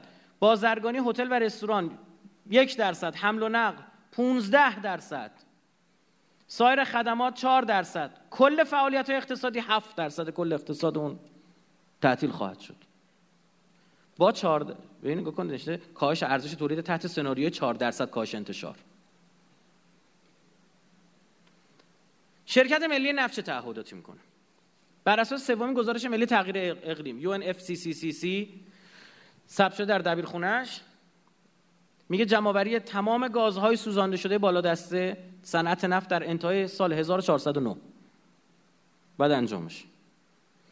تأمین تجهیزات و فناوری مورد نیاز توربو کمپرسورها سامانهای اندازه‌گیری سیال توربو ژنراتورها واحدهای شیرینسازی AGR تأمین مالی پروژه تعریف شده. اقدامات فوق موجب کاهش یک درصدی انتشار از 12 درصد تعهد خواهد شد. همیشه صنعت نفت این کارا رو بکنیم یه درصدش انجام میشه. که دو میلیارد دلار باید پول خرج کنیم. برای چی؟ برای اروپایی. آمریکا اومده بیرون. آمریکایی حاضر نیست برای اروپایی این کارو بکنه. برای ما فامیلشونیم دیگه. حسن نوروزی. بعد ببین تصویب شد تو مجلس رفتن بالاخره مدافع داشت مخالف داشت رفتن حرف زدن اینجوری هم نیست مجلسمون بابا نکاتی داره بالا پایین داره اینجوری نیستش. حسن نوروزی نماینده طبعا جریان سیاسیش مشخصه بالا کجا باید باشه. کسی که طرفدار دولت باید باشه. میگه با توجه به تغییرات آب و هوایی در کشور ضروری است که با پیوستن به این توافق نامه ها و استفاده از تجارب کشور دیگر در کاهش آلودگی هوا بهره بنده خود راست میگه. تهران ببین چقدر هوا آلوده است. کاهش بدیم دیگه. برای اینا بوده نماینده پذیرفتن رای دادن. حالا مسئله تصویرش براتون میگم. سرکار خانم ابتکار چی میگه؟ در پایین معصومه ابتکار به عنوان نماینده دولت این از سایت مجلس برداشته. در پایین معصومه ابتکار به عنوان نماینده دولت در موافقت با این لایحه گفت بحث انتشار گازهای گلخانه‌ای و جلوگیری از آلودگی هوا. و جلوگیری از آلودگی هوا. یک موضوع ملی و بین المللی است و طی چند سال گذشته محیط زیست با الگوبرداری از موارد غلط و مصرف انرژی دچار مشکلات بسیار زیادی شده است بسیاری شده است. به گونه که در حال حاضر ایران پنج برابر متوسط کشورهای دنیا انرژی مصرف می‌کند. زمانی که آقای اردکانی وزیر نیرو یه حرف عجیب غریبی زد راجع به چینیا و ایرانیا و یه بعد غذا خوردنشون اینا همه بهش حمله کردن. درسته یا نه؟ حتی اصلاح طلبا که وزیر خودشونه. درست شد. من یه توییت زدم گفتم درست مثال بدی زده و اشتباهه اما اصل حرفشو بگیرید. ما خیلی مصرف کننده بالایی هستیم. منصف باشیم. درسته نه؟ هنوزم صرفم. من اینکه اینقدر دفاع کردم زمان که خودشون بهش پشت دادن. اما بنده دارم بهتون میگم که منم قبول دارم. کی گفته الکی بی خود استفاده کنیم؟ کی گفته الکی بسوزونیم؟ ما اصلا حرفمون این نیست. اما این آلودگی هوا اینجا داشته باشیم خبرگزاری خانه ملت 23 آبان 95 این حرفا زده شد تو مجلس. اما خدا گواه من باورم نمیشه کسایی این حرفا رو زده باشن و کسایی شنیده باشن و دو, دو قرون یه بررسی نکرده باشن. تو کدوم کمیسیونا داره طرح میشه؟ تو کدوم کمیسیونا داره بررسی میشه؟ اون موقع که برای شفافیت اومدم خدمت شما عرض کردیم که یکی از درخواست های ما اینه که کمیسیون چی باشه؟ صوت و تصویر و متنش بیاد بیرون همه بتونن قضاوت بکنن. خاطرتون هست؟ برای این روزا بود. که قبل اینکه به تو صحنه علنی این فضاحت بار بدین حرفا گفته بشه که ببین با همین هممون می‌تونیم بریم پناهندگی بگیریم. با همین دو تا جمله. این آقای نوروزی و خانم ابتکار. هممون می‌تونیم بریم. یعنی 85 میلیونمون هم می‌تونیم بریم بگیریم. فقط به این دوتا پناهندگی نخواهند داد. خب؟ چرا؟ برین نگاه کنید آقا به پیر به پیغمبر یعنی اینا فرق CO و CO2 رو نمی‌دونستن. اونی که آلاینده است CO مونوکسید کربن. یه دونه اکسیژن. مونو یه دونه. دی دوتا دی اکسید کربن مثلا آلاینده نیست. بابا با دم و بازدم خودمونه. دی اکسید کربن گاز آلاینده نیست به هیچ وجه. هر جای دنیا بگی میگن دیوونه است. رفتن با مونوکسید کربن ارائه کردن به آستین نماینده های مجلس و اون بزرگواران هم تایید فرمودن. به جای دیوکسید کربن. دو تا گاز مختلف. انگار بگی بنزین جای آب بریم بخوریم. مایعه دیگه. از هرسم ها بعد حالا ادامهش گوش کنید. اینا نگاه کن آلاینده های محیط زیست مونوکسید کربن ذرات معلق سرب اکسیدهای نیتروژن اکسیدهای گوگرد اینا همه رو می‌دونیم. گازهای گلخانه‌ای دی اکسید کربن. اصلا آلاینده محیط زیست نیست. متان هیدروفلورو کربن پروفلورو کربن nitrous oxide sulfur hexafluoride هیچ کدوم نیست. به هیچ وجه اونی که بخاری می‌زنه بیرون خفه‌ت می‌کنه می‌زنه میکشدت اون مونوکسید کربونه. اونو کاهش بدیم. بسم الله. آقا به جای این کارا چل سال این خودروسازی های ما رو متحول می‌کردید؟ ماشینا رو گازسوز می‌کردید؟ ها؟ خودروی هیبریدی می آوردید امثال جمشید آریان هایی که به قول خودتون میگید شیاده رو اونا شیادن. خوبش شما می آوردید اینجا. درست می‌کردید. بالاخره اون بنده خدا که بهش میگید شیاد ماشین رو ساختاش راه هم می‌رفت. یه دونه از همونا میساختید راه بره. جز اینه؟ یعنی تا این سطح شما بری وسط مجلس ما بشینی و این نماینده مجلس خوشی داریم خدا شاهده. یعنی عجیبه. ببین من آتیش دارم می‌گیرم. یعنی اصلا من نگرانم. میگم فردا اصلا اینجا روزو بری اینجا شب جلوه بدی. دو تا قسم از عباس بخور. بگو دنیا داره این کارو می‌کنه. میگن لابد بررسی شده بندگون خدا. برای چی؟ آقا تو, برای اصلاح ساختاره کشور چه دست گوشی رو شفافیت؟ علل خصوص مجلس. کدوم آقا؟ اصل ریشه همه اتفاق در اونجا میفته. ایرادات اندیسی ایران. یک ما در گرفتن, گرفتن امتیاز کلیگویی کردیم. کمک های بین المللی رو مشخص نکردیم. مثل پاکستان نگفتیم 40 میلیارد دلار باید پول نقد به من بدی. تعجیل در پیوستن در حالی که کشورهای نفتی دنیا زمان می‌خرن. روسیه گفته 2019 تازه میفرستم دو ماه بره مجلس تازه بررسی و بررسی چقدر طول بکشه هنوز عمان و قطر نفهمیدیم. به خدا قسم. من میارم براتون. لزوم تعمل در تصویب توافقنامه پاریس تا زمان تصویب سنای آمریکا و دومای روسیه. دو تا کشور بزرگ تولید کننده انرژی و قدرتمند تو دنیا. اینا بهانه خوبی برای ما الان. بگیم آقا آمریکا و روسیه بیان تا ما بیان. ببینیم اونا چه مدلی تصویب می‌کنن. چون دیگه بحث منافع ملیه دیگه تو اونا که می‌تونه اداشون رو در بیاری که. جا من حالا یه چیز جالب تر اینا حتی آب خوردن هم میگن این خارج یکی آب بخورید. خب چرا اینجور جاها اداشون رو در نمیارید؟ شما اینجور جاها بیاد عین خارجی باشید. بر پدر و مادر هر کسی لعنت اگه به شما گیر داد. تو دفاع از منافع ملی بدین خارجی باشید. چرا اینجا نمیاد اده اونا رو در بیارید؟ در محاسبات اشتباه فاحش دارن. اصلا ببین این این مونوکسید کربن رو ول کنید. اون اصلا هیچی. اون به خدا بذارید کنار. اینو براتون بگم. ببین طرف نشسته تو محاسبه اینجوری کرده. گفته ببین 4 درصد کاهش میدیم 17 میلیارد دلار. 12 درصد طرفین وسطین. 51 میلیارد دلار. کاری داره. مثالش من توی همین سالن زدم. میگم عزیز من ببین الان ما اینجا هدر رفت انرژی زیاد داریم. اینجا مثلا کولر روشنه درام باز گرما میاد. درسته؟ می‌خواید الان من 100 درصد بهره وری داشته باشم 100 درصد یا نصف کنم دیگه. درست شد؟ چیکار کنم؟ درا رو میبندم. چقدر هزینه داشت بستن درا؟ هیچ دو نفر از شما میگن بی زحمت درا ببند. دیگه خیلی شما دیگه نامرد باشید 10 تومن بهتون میدم. یا باشه اینجا دو قدم ببند. خیلی نامرد باشید و خیلی گرون حساب کردید. عیبی نداره. 20000 تومن بهره وری انرژی رو اینجا 100 درصد بردم بالا. با 20000 تومن حالا درا رو بستیم. آقا یه 100 درصد دیگه افزایش بده دمت گرم. دیگه باید چیکار کنم؟ دیگه نیست با 20000 تومن. به شدت هزینه ها میره بالا. میگم کولرها رو باید عوض کنم. کولرهای باید برم رو پشت بوم برم روشون که میدم سایبون بزنم. آقا شیشه های اینجا باید دو داره بشه. اصلا اینجا چوب گرما رو مثلا مثال می‌زنم خب مثلا اینجا چه می‌دونم همه محیط باید چوبی بشه. اصلا شماها میرید بیرون برمیگردید میایید در رو باز می‌کنید هدر رفت انرژی داریم. اینجا 500 نفر تو سالونن و کسایی که بیرون کار ندارن 500 نفر که تو سالونن اینا نفری سه تا دستشویی برای آقایون بزنید سه تا هم برای خانم‌ها دیگه اینو برای دستشویی رفتن هم بیرون نرن. هزینه دیدی چقدر فرق کرد؟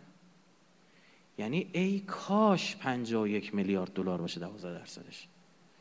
چون تو تو بهرهوری این اصلا تصاعدی محاسبه میشه. آوردن بچه پنجم ابتدایی گذاشتن؟ گفتن طرفین وسطین.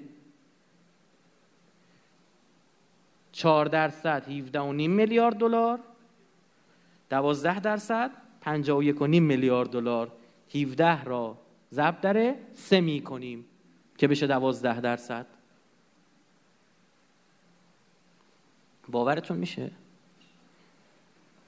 من با خودم میگم ما که زدیم پدر دشمن رو در آوردیم تو مدیترانه رفتیم گفتیم اونا الان میشینن با خودشون نگاه می‌کنن این چیزایی که ما میریم چی میگن با خودشون؟ میگن اینا فیلمشونه. این چه سودی داره؟ نکنه ما اشتباه کنیم نکنه پیوستن به پاریس الان سود داره ما. یه چیزی این ایرانیا می‌بینن ما نمی‌بینیم. یه دلیل یه جایی چیزی هست. مگه میشه آخه؟ اینو الان مثلا به خدا ضربه بزرگ اقتصادی خواهیم خورد. 184 تا صنعت اروپایی ها ببین خود IPCC میگه. 184 تا صنعت متاثر از این اقدامات خواهند شد. 184 تا صنعت. 11 تاش آسیب جدی می‌بینن. ببینیم چی هست. اکتشافات نفت و گاز. پالایش نفت و گاز. خودروسازی فولاد حمل و نقل معدن تولیدات مواد شیمیایی. خود ما یعنی همش رو جمع کنیم ایران. شما ببینید چه فضایی اینا درست کردن.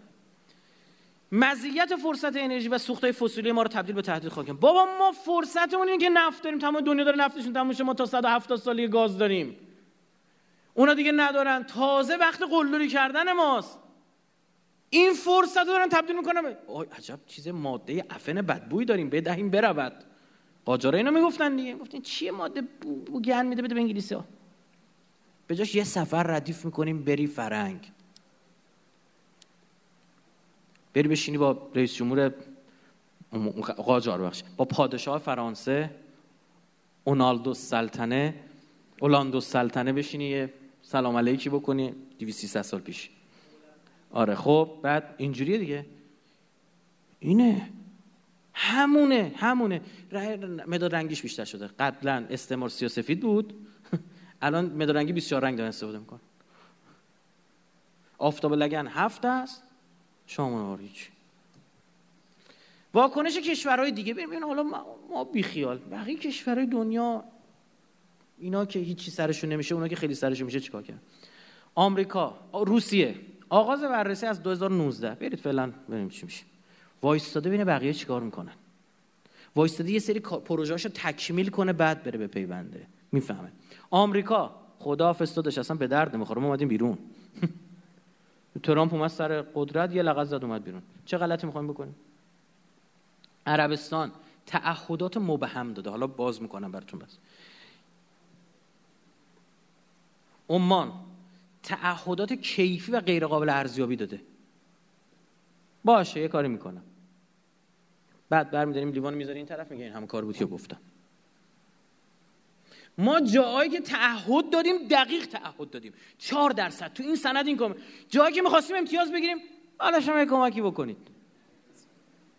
دو دستگاه تراکتور بهت بدن. متوجه شدید؟ برای همین میگم میگم اگه تو کلا ببین بلد نیستی این چیزا عدد رقم وارد بشی چرا اونجا که به نفع اوناست اینقدر عددا دقیقه؟ ها؟ اگه دقیقی چرا اونجا که می‌خوای امتیاز بگیری مبهم میری باشون میبندی. ونزوئلا.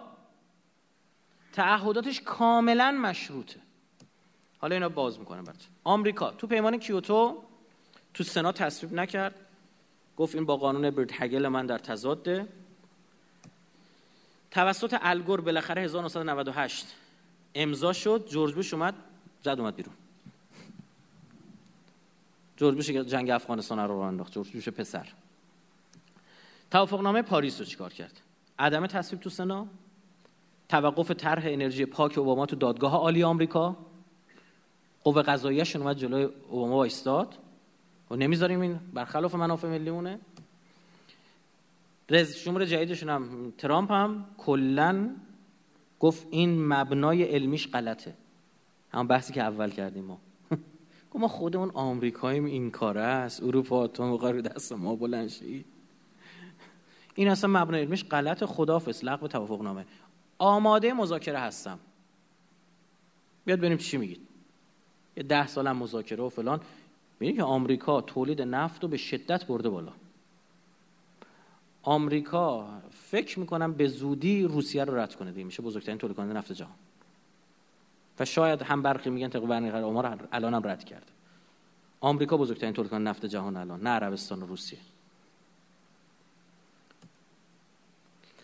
دموکراتا رأی آبیه جمهوری خواه رأی قرمز. می‌بینید؟ هر چی پیش رفته اینا مقابلش وایستدن اصلاح طلبا آبیا اصولگراها مثلا قرمز اینجوری بگیم بریم بعدی. حزبای سیاسی لیبرال دموکرات و اون طرف محافظه کار جمهوری خواه ببینید چقدر جالبه. اتاق فکر حمایت کنندشون کیان؟ حالا بمانید با کار ندارم.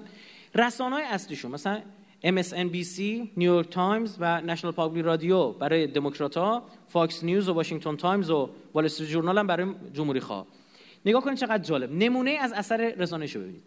مثلا دموکرات‌ها عدم پوشش کشف مهم ناسا مبنی بر افزایش یخهای قطب جنوب اینا پوشش ندادن می‌بینی که همزمان داره یخهای قطب شمال داره کم میشه یخهای قطب جنوب داره چی میشه زیاد میشه یعنی در مجموع کره زمین اتفاق نیفتاده متوجه شدید اینا پوشش ندادن. ارتباط دادن هر طوفان خوشسالی به گرمایش زمین. هر اتفاق میفته تو اخبارشون دموکرات و رسانه‌هاشون میاد گفتن این به خاطر گرم شدن کره زمین. گویی قبل از انقلاب صنعتی هیچ پدیده جدی رخ نداده است. پس این گرمایش زمین قبل از انقلاب صنعتی اینا برای چی بوده؟ مثلا راجع به حرف می‌زنن جمهوری خواه چیکار می‌کنن خیلی جا. بحثای مربوط به گرمایش جهانی رو تو زمستون روزای سرد که بارش برف زیاد بوده پخش می‌کنن. تو مملکت ما چی؟ گرمایش زمین رو تو چله تابستون میم تر می‌کنیم. ببین اونا وقتی میگن بابا اینا به بلوغ رسیدن تو رسانه یعنی این دیگه. چقدر استادن. میگه تو وسط زمستون تا کمر برف اومده برو براشون بگو که گرمایش زمین جدی یارو داره میلرزه میگه به اله ان ده درجه گرم بشه نیم درجه درجه به جای بر نمی‌خوره. این چقدر هوشمندانه است. خب حالا ببینید اون کسایی که اینطور با ماها دارن چیکار می‌کنن؟ تو هالیوودشون تو سریالاشون تو اخبارشون تو مستندایی که دارن می‌سازن. تا این مسائل اینا دقت می‌کنن. و عکس اینا تو کشور ما داره اتفاق میفته. گفتم مثلا من بعضی از این فیلم های مربوط به پاریس رو نگاه می‌کردم فیلم تبلیغاتی اصلا گریت می‌گرفت. واقعا گریت می‌گرفت. مثلا این خرس قطبی رو نشون میدن فوک داشت از بین می‌رفت. بعد یه آمار کاهش خرس های قطبی را در قطب شمال می‌گفت در قطب جنوب مثلا پنگوانا ده برابر می‌شدن اونا رو نمیگه. اونجوری قشنگ بلبه. این ده برابر عدد ها همینطور مثلا. فردا میان میرن میگردن پیدا می‌کنن. ده برابر نبوده. یک و هشت دو, یک و دو دهم درصد بوده. رایفی پور یه دونه چیز پیدا کردیم ازش. موزه روسیه. بزرگترین تولید کننده نفت خام جهان با احتساب میعانات گازیش. دومین کشور جهان در تولید گاز طبیعی. این اول ایران دوم روسیه سوم قطر تو گاز. ذخایر سرشار زغال سنگ. درآمدهای نفت و گاز یک سوم درآمدهای فدرال بودجه فدرالش. یک سوم درآمد بودجه فدرالش از نفت نفت و گاز. مصاحبه پوتین با شبکه CNBC میگه پایه های علمی گرمایش زمین به اندازه کافی مستحکم نیست. همون حرفی کیو داره می‌زنه. ترامپو برای چی نمیگه پایه علمی؟ نمیگه فردا دانشمندو بلند میشن میان آبرو حیثیتشو می‌برن؟ نه خیر برای اینکه مطمئن نداره اینجور حرف می‌زنه. موافقت نامه پاریس در بلند مدت به اقتصاد روسیه ضربه خواهد زد. نه این سادینو قبول نمی‌کنم. روند بررسی سپرده 2019 دوما بابا اینا بابا اون روسیه اون روسا یک پدر سوختن. آمریکا که معلومه اینا آنگلو ساکسن. ببین عربا چیکار کردن؟ کشور عربستان سعودی بدبخت هستن عربستان سعودی اینا هیچ حالیشون نیست. به برادران عرب توهین نمی‌کنم و عربستان سعودی. جهان سومی اینا بدبختن بیچارن. رتبه دوم دنیا در تولید و ذخایر نفت. میزان تعهد کاهش 130 میلیون تونی اما عدم استفاده از مدل های کاهش انتشار کنوانسیون یعنی چی؟ یعنی اومده چیکار کرده؟ گفته ببین من می‌خواستم 500 تا نیروگاه بزنم به خاطر پاریس 400 تا می‌زنم. می‌خواستم 500 تا بزنم. حالا از اول می‌خواسته چند تا بزنه؟ 400 اگه می‌خواست هزار تا بزنه. داداش می‌خواستیم 1200 تا بزنیم. هزار تا می‌زنیم. عربستان سعودی. چه مسخرشون می‌کنید. قطر. رتبه سوم دنیا تو گاز. رتبه چهارم در تولید گاز. اون تو ذخایر گاز. سوم چهارم تو تولید. اکتفا به اقدامات کیفی در آیندیسی یه حرف کیفی کلی زده.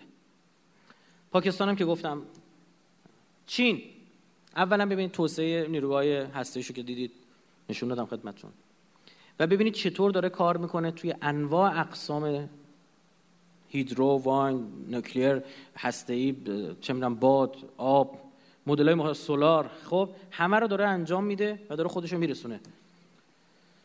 حالا بخوایم بعضی از کشور رو مثال براتون بزنم. مثلا ببین رژیم حالا چون بعضیشون گفتن بقیه‌اش اینجا. سال پایشون عمدتا 2005 گذاشتن به غیر از اتحادیه اروپا که 1990 اصلا چون پیشنهاد دنده معاهده پاریس از اروپا برخواسته دیگه. نگاه کنیم مثلا رژیم صهیونیستی بر, می... بر اهدافش میزان سرانه انتشار قرار داده. یا افغانستان اهداف میزان انتشار نسبت به انتشار سال پایه که 2015 مشروط قرار داده. و بقیه کشورها که حالا در تصویر هندو می‌بینید میزان شدت انتشار نسبت به سال پایه بوده. و درصدش.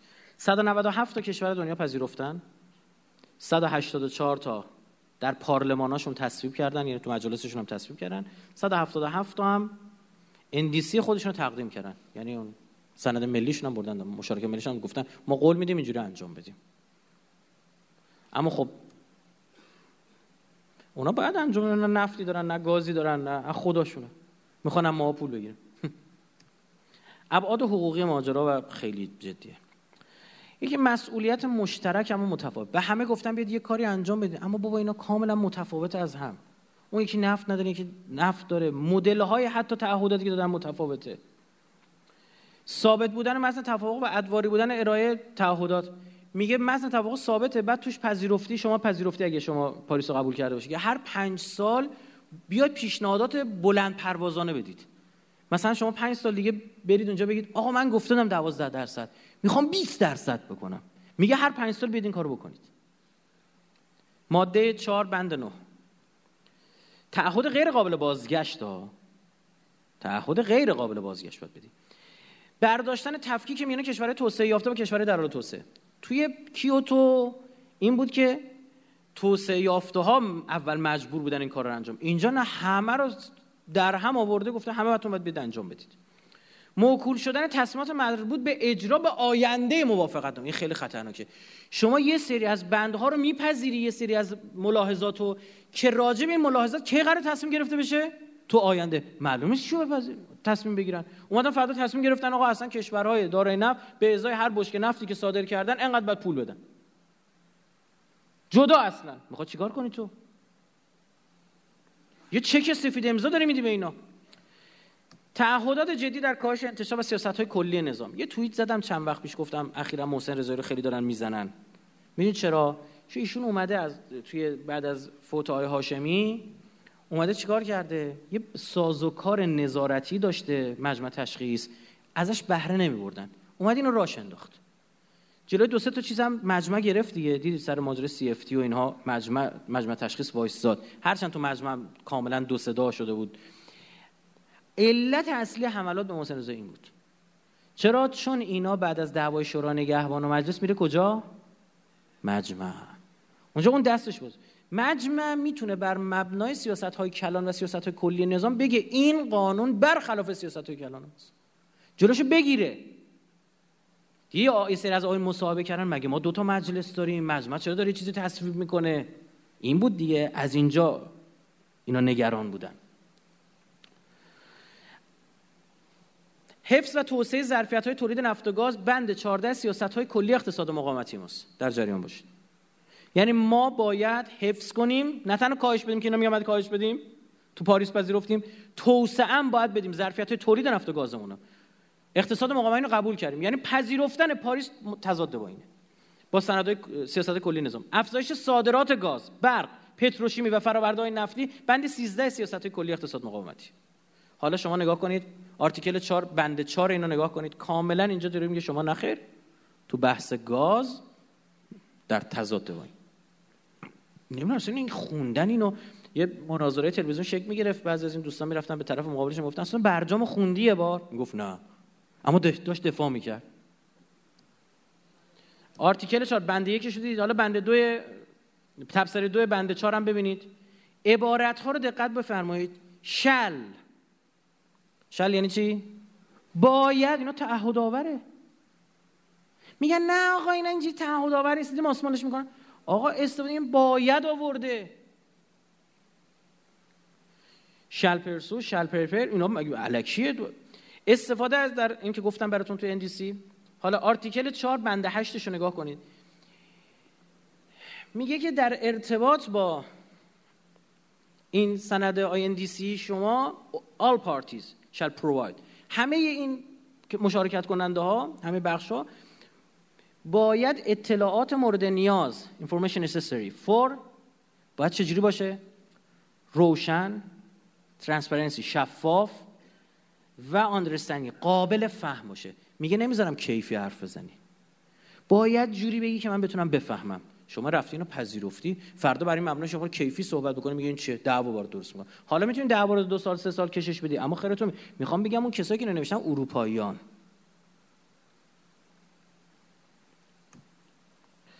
از کشور عضو خواسته ماده 4 بنده 8 سند NDC رو متناسب با COP 21 گفتیم اون تو کشور شروع کردن تو بوینس آیرس و چه و چه و چه اینو برگزار کردن دیگه این جلسه 21 کمشون بوده. COP 21 بعد اگر عضوی سند NDC خودش رو ارائه کرده باشه که میشه NDC خودش به محض پیوستن از نظر حقوقی کاملا دیگه الزام آوره. چون COP 21 اینو داره میگه. ببین من عینا عبارت انگلیسی شو دارم شما میارم. میگه وقتی پذیرفتی دیگه تموم شد. اونجا میگه بنابر تصمیم COP 21 تو COP 21 کم میگه که نه الزام آوره. شما باز دوباره می‌بینید. shall, should. shall و should شنیده بودید؟ این shall و should ه. پره. تا دلتون بخواد. من بخشی رو آوردم. article 9 بند 9 تبصره یک و سه بند ده تبصره دو و 6 همش الزام آور. اگه بخوای خارج بشه کشور چی؟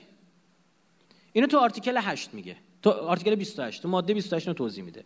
میگه اگه خواست خارج بشه تا سه سال اجازه خروج نداری. چون اینا میگن یه تصمیم مهم می‌خواسته تا سه سال اجازه هیچ گونه خروج نمیدن. یک سالم بررسیش طول می‌کشه و جسارتا بنابر تصمیمات کمیته ماده 15 جرایم من برات خواهم بست. یعنی خب برای چرا عاقل کند کاری که بازارت پشیمونه خب بری خودتو بنویس توی هچلی که بعدا نتونی. تا سه سال اجازه خروج نداری.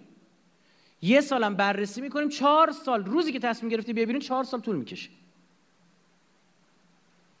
که اونا فرصت داشته میشن میگن این چرا داره میاد بیرون؟ این چه جوری رفتن تعهد نامه نوشتن؟ بعد تصمیم کنفرانس اعضا در آینده موضوع بند 4 ماده 16 آمده خب می‌گذاریم آرتیکل 4 بند 9 و بند 11 و بند 19 وقتی نگاه می‌کنید ببینید در تضاد کامل با سیاست های کلی نظام. من این بندا رو دارم میگم الان تموم میشه شاید خود س... برای اینکه یه نفر که داره گوش می‌کنه بره بگیره بخونه. نگن اینا. الکی اومدن دیدی یه حرفی میزن کلیگویی می‌کنی. یعنی چی؟ کلیگویی من دیگه چیکار کنم؟ من فردا برم متن انگلیسی هم شروع کنم اینجا خوندن؟ دارم میگم بند فلان تبصره فلان. برو خود بخون. هست تو اینترنت اصلا سرچ کنه میاد. ما از اینترنت گرفتیم. بله. اینم برگردونم. اصل سه قانون اساسی ما میگه که ترد دولت جمهوری اسلامی ایران موظف است برای نیل به اهداف مذکور در اصل دوم همه امکانات خود را برای امور زیر به کار بگیرد. بند پنجش میگه ترد کامل استعمار و جلوگیری از نفوذ اجانب که انجام خواهد شد در پاریس. اصل 43 برای تامین استقلال اقتصادی جامعه و ریشه‌کن کردن فقر و محرومیت و برآوردن نیازهای انسان در جریان رشد با حفظ آزادی او اقتصاد جمهوری اسلامی ایران بر اساس ضوابط زیر استوار می شود ماده 8 میگه جلوگیری از سلطه اقتصادی بیگانه بر اقتصاد کشور. یعنی با قانون اساسی ما در تضاد با سیاست های کلان ما در تضاد با همه چی در تضاد. بعضی از اینا که ما تصویرش هم برای شما گرفتم. عکس اینا رو نگاه کنید. موافقت نامه پاریس مشتمل بر یک مقدمه و 29 ماده به شرح پیوست تصویب و به دولت جمهوری اسلامی ایران اجازه داده می شود اسناد تصویب را نزد امین اسناد تودی نماید. تبصره رایت اصل 77 قانون اساسی در مورد هر گونه اسلام موافقت نامه پیوست آن موضوع مواد 22 و 23 موافقت نامه و اصل 139 139 قانون اساسی. در مورد حل و فصل اختلافات موضوع ماده 24 آن الزامی است. آرتیکل 24 هم نگاه بکنید یعنی ببینید به شما بگم چون یه معاهده تیپیکاله و بسته است قشنگ همه چیش با هم جوره امکان تغییر شما نخواهیم داشت. اصلا شما نمی‌تونی بگی که من این بخشش رو قبول ندارم. میگه نه یا همش یا چی؟ سر اس گفتیم دیگه اینا اینجوری نیست بگن اجازه داری یه بخشش رو نپذیری. و وقتی هم گفته ارجاع داوری ها به داور بین المللی بدون حق شرط خلاف اصل 139 قانون اساسی اینا رو میگم برای کسایی که روی سیاست های کلان دارن کار می‌کنن. بندهای یک و دو و سه سیاست های کلی نفت و گاز در سیاست های کلی نظام در دوره چشمانداز. افزایش تولید و اتخاذ تدابیر و راهکارهای مناسب برای گسترش اکتشاف نفت و گاز افزایش تولید سیانت شده نفت و گاز. ما بندهای یک و دو و سه سیاست های کلی نفت و گاز رو میگه باید کشف کنی و افزایش تولید بدی. تو پاریس عکسش رفتی امضا کردی بند هشت سیاست های کلی نفت و گاز. میگه جایگزینی صادرات فرآوردهای نفت و گاز و پتروشیمی به جای صدور نفت خام و گاز طبیعی. دقیقا اینجا عکسشه. میگه خودت فراوری نکن. بعد خام فروشی کنی. بند 13 میگه افزای 13 سیاست اقتصاد مقاومتی. افزایش صادرات گاز برق پتروشیمی و فرآوردهای نفتی. که دیدید دقیقا این 72 درصدی که می‌خواست اقتصاد ما رو کوچیک کنه کجاها رو می‌زد؟ همین جاها رو. بند 14 سیاست های اقتصاد مقاومتی حفظ و توسعه ظرفیت های تولید نفت و گاز. بند 15 اولویت گسترش زنجیره ارزش صنایع پتروشیمی که از نفت و گاز تغذیه میشن دیگه. روند تصویب تو ایران خیلی جالب خانم ابتکار می‌بره اینو طرح می‌کنه. میگه ما دو سال داریم روش کار می‌کنیم خیالتون راحت. از دو سال قبل 20 آبان 94 متن NDC نه NDC NDC یعنی اون چیزی که تصویب شده. درسته؟ بدون تصویب مجلس توسط اسحاق جهانگیری ابلاغ میشه به تمام مجموعه دولت. بدون تصویب مجلس ابلاغ شده. ببین ورد به ورد کلمه به کلمه. INDC شده همین ابلاغیه دولت. کلم عین برجام. یعنی برجام که اینا تو سریالاشون 7 سال قبل برجام لو داده بودن همون شد معاهده برجام. عینش. مو به مو. هست دیگه. هم انگلیسیش هست هم فارسیش هست. سرچ کنید پیدا کنید. تو اینترنت هست. بشین بخون. کلاس زبان رو خبر تابستون بشین اینو ترجمه کن. بشین بخون و قضاوت کن دیگه.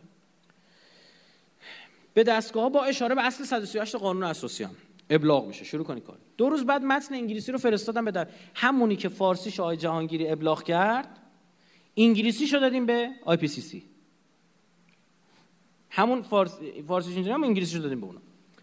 دکتر ناصر مقدسی تو برنامه تلویزیونی میگه نه ما یه پیام دادیم به خارج فقط. نماینده محیط زیست تو این شرکت می‌کرد توی IPCC. اردیبهشت 95 ظریف امضا می‌کنه. مرداد لایحه تقدیم مجلس میشه. باید مجلس تصویب کنه دیگه. معاهده خارجی رو. قانون ماست. شهریور 95 کمیسیون امنیت ملی و کشاورزی تصویب می‌کنه. تو کمیسیون تصویب میشه. امنیت ملی و کشاورزی. مهر 95 مرکز پژوهش‌های مجلس میگه این یه پیوست NDC داره. اینو چرا ندادید به ما؟ دولت نه. کی میگه؟ خود مجلس بررسی مرکز پژوهش‌ها داره دیگه. میدن مرکز پژوهششون بررسی کنه. اون بررسی می‌کنه میگه آقا این یه اندیسی داشته. این چرا نبوده؟ این کجاست؟ آبان 95 مجلس بدون توجه به حرف مرکز پژوهش‌های خودش. خیلی مجلس خوشی داریم خدا وکیلی. مرکز پژوهش‌های خودش بدون توجه به حرف تصویبش می‌کنه. شورای نگهبان میره بر تصویر شورای نگهبان. شورای نگهبان میگه بابا این میگه یه پیوست داریم پیوست کو من این پیوسته نباشه من تایید نمی‌کنم. شاید تو پیوسته 100 تا نکته توش باشه. و دقیقا هم همینه. ردش می‌کنه. بهمن 95 مرکز پژوهش شما دوباره پیگیر اون پیوسته میشه. میگه بابا یه پیوست این داشت. مرکز پژوهش مجلس. خرداد 96 94 بودا.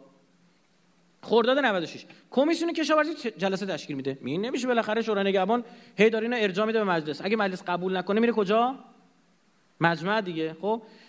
کمیسیون کشاورزی جلسه تشکیل از ابتکار درخواست می‌کنه بیا اینجا. میگه خانم ابتکار این شورای نگهبان و مرکز پژوهش‌های ما گیر دادن میگن یه پیوستی داره. این پیوست این کجاست؟ خانم ابتکار میگه این هیچ پیوستی نداره. و مجلس کمیسیون تصویبش می‌کنه. میگه ما کوتاه نمیایم. این نداره.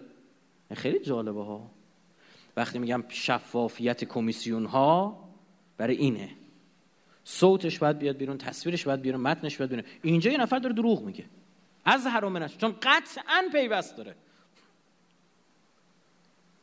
از حرامنش شمسه. یا دارن دروغ نسبت میدن به خانم ابتکار؟ مجلس داره دروغ نسبت میده و باید کمیسیون کشاورزی رو به سلابه کشید. شما برخلاف منافع ملی دارید خطر برای کشور به وجود میارید. یا خانم ابتکار این حرفو زده. میگه درخواست تصویب می‌کنه و تصویب میشه. نامه ها رو نگاه کنید. تصویر نامه ها رو. خدمت شما عرض بکنم ببینید.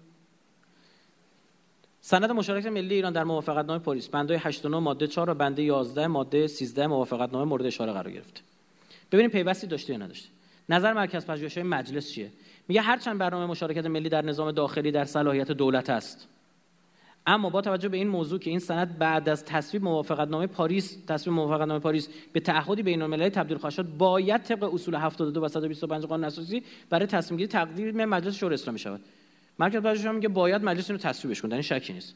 مصاحبه رئیس کمیسیون کشاورزی. بر اساس اظهارات سازمان محیط زیست سند پیوستی وجود نداره. نگاه کنید لایحه موافقتنامه پاریس. مصوب جلسه مورخ 23 آبان ماه 1395 رئیس محترم مجلس شورای اسلامی. کی نامه زده؟ احمد جنتی رئیس شورای نگهبان.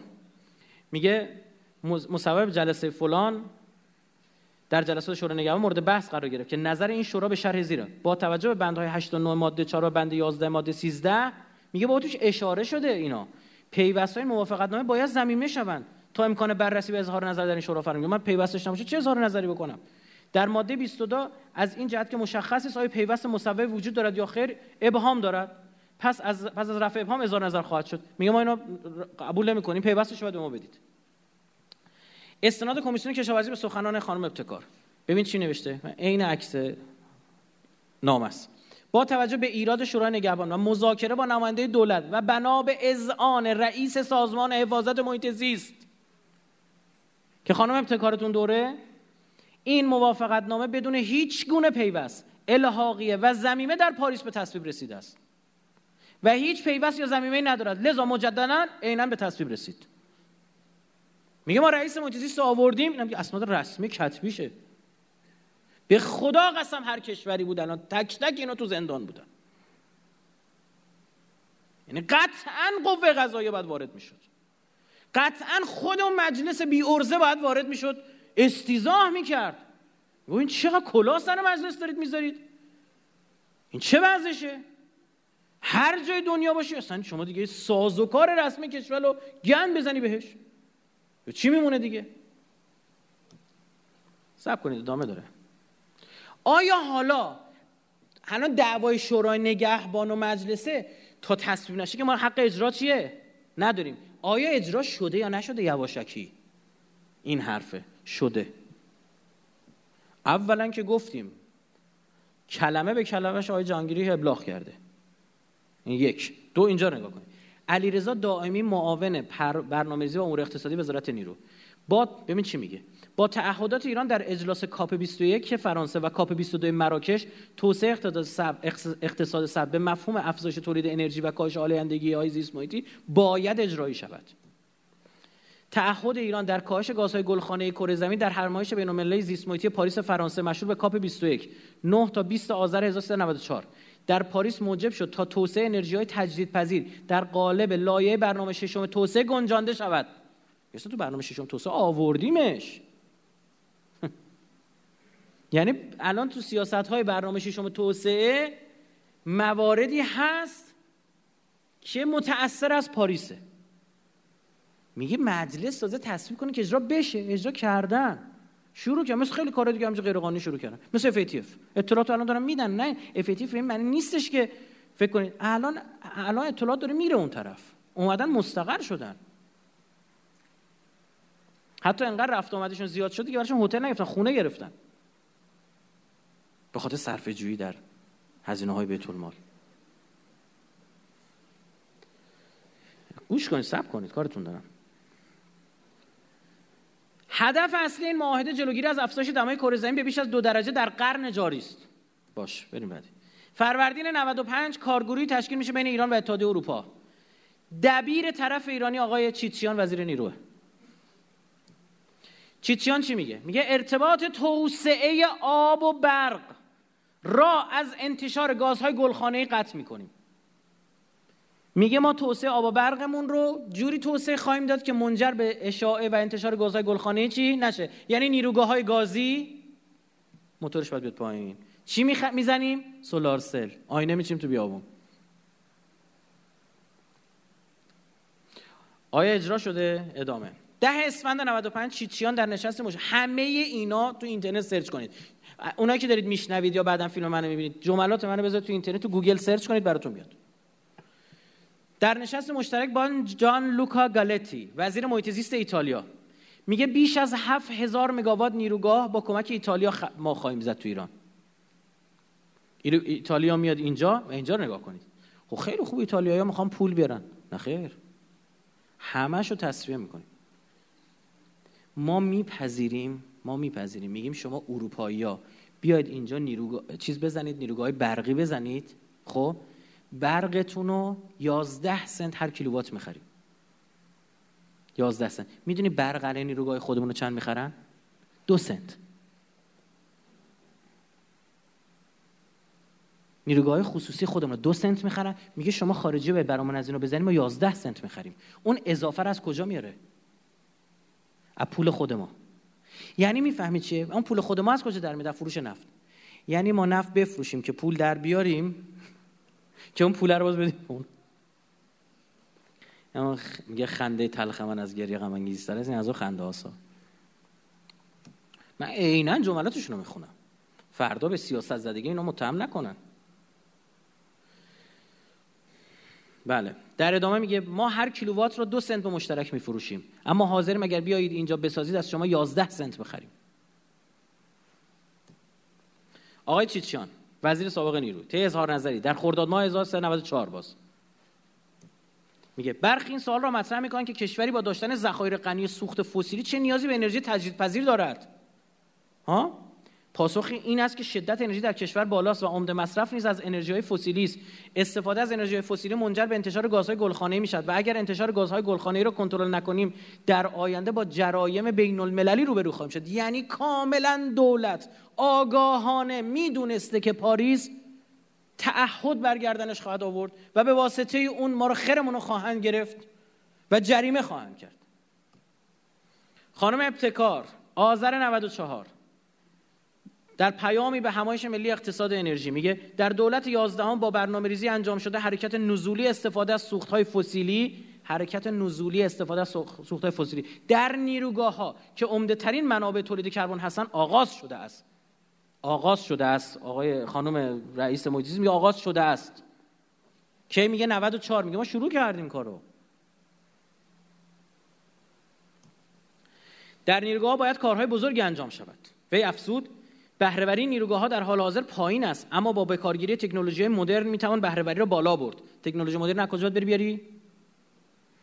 این مشکلات وجود دارد ولی حرکت در زمینه توافق پاریس از لحاظ تدوین سندها و سیاستگذاریان مثبت ارزیابی می شود بعدی آقای چیتیان تعهد ایران در کاهش گازهای گلخانه‌ای کره زمین در همایش بین‌المللی زیست محیطی پاریس مشهور به کاپ 21 3 نوامبر تا 11 دسامبر سال 2015 9 تا 20 آذر 94 برگزار شد.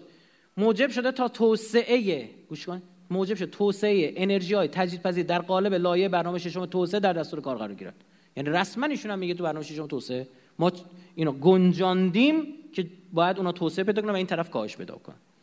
این عضو کابینه دولت 11 هم افزود یا ادامه داد. مادامی که مدیران ما به طور دائمی سوخت مجانی برای تولید برق دریافت می‌کنن نمی‌توان انتظار داشت این تفکرات نو اندیشانه در نشان میگه ما جلوشو می‌گیریم. چیچیان به طور نمونه به سفر خود به کشور دانمارک اشاره کرد و گفت امروز 45 درصد انرژی مورد نیاز این کشور از منابع تجدیدپذیر و 60 درصد از کل برق مصرفی آنها از همین محل تامین می شود عزیز من دانمارکه.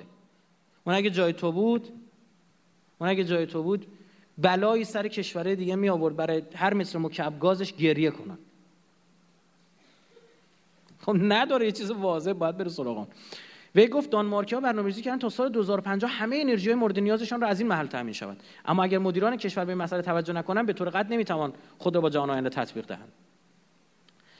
آقا این نشده. شما فقط برید تو سامانه ملی قوانین و مقررات جمهوری اسلامی. سند مصوبه 24 5 1994 وزارت سند معدن تجارت رو سرچ کنید. من خودم همین سرچ کردم اسکرین شات گرفتم از صفحه لپتاپم. براتون گذاشتم. شماره سند اینه. 60 ممیز یک دو سه هفت سه هفت. شماره ابلاغشه. سرچ بکنید. همینه تو گوگل سرچ کنید میاره. بنویسید دستورالعمل برآورد انتشار گازهای گلخانه‌ای است. فرآیند فعالیت‌های صنعتی صنایع معدنی و فلزی. اینو بزنید. متنشو که می‌زنی نمیاد. اما تو PDF ش مونده. من PDF ش رو دانلود کردم. اینو براتونم. PDF ش هم باز که خودتون ببینید. نگاه کنید. وزارت صنعت و معدن تجارت. همون شماره 60 یک دو سه هفت سه هفت. شماره ابلاغشه. نگاه کنید. تو تک تک صنایع ریز انقدر دقیق اصلا تعجب برانگیز خدا شد. تولید فرالیاش میگه اینو باید اینجوری انجام بدید. میام جلوتر. متدولوژی برآورد انتشار گاز CH4 و بحث در مورد N2O همه رو نمیشه روش سطح یک. روش سطح دو. تولید آلمینیوم یا شمش آلمینیوم؟ به چه روش هایی؟ تمام اینها نگاه کنید. احصا شده ابلاغ شده. ببینید. کی میگه اجرا نشده؟ تو سامانه ابلاغی و قوانین خود مملکته. سامانه ملی قوانین جمهوری اسلامی و مقررات جمهوری اسلامی.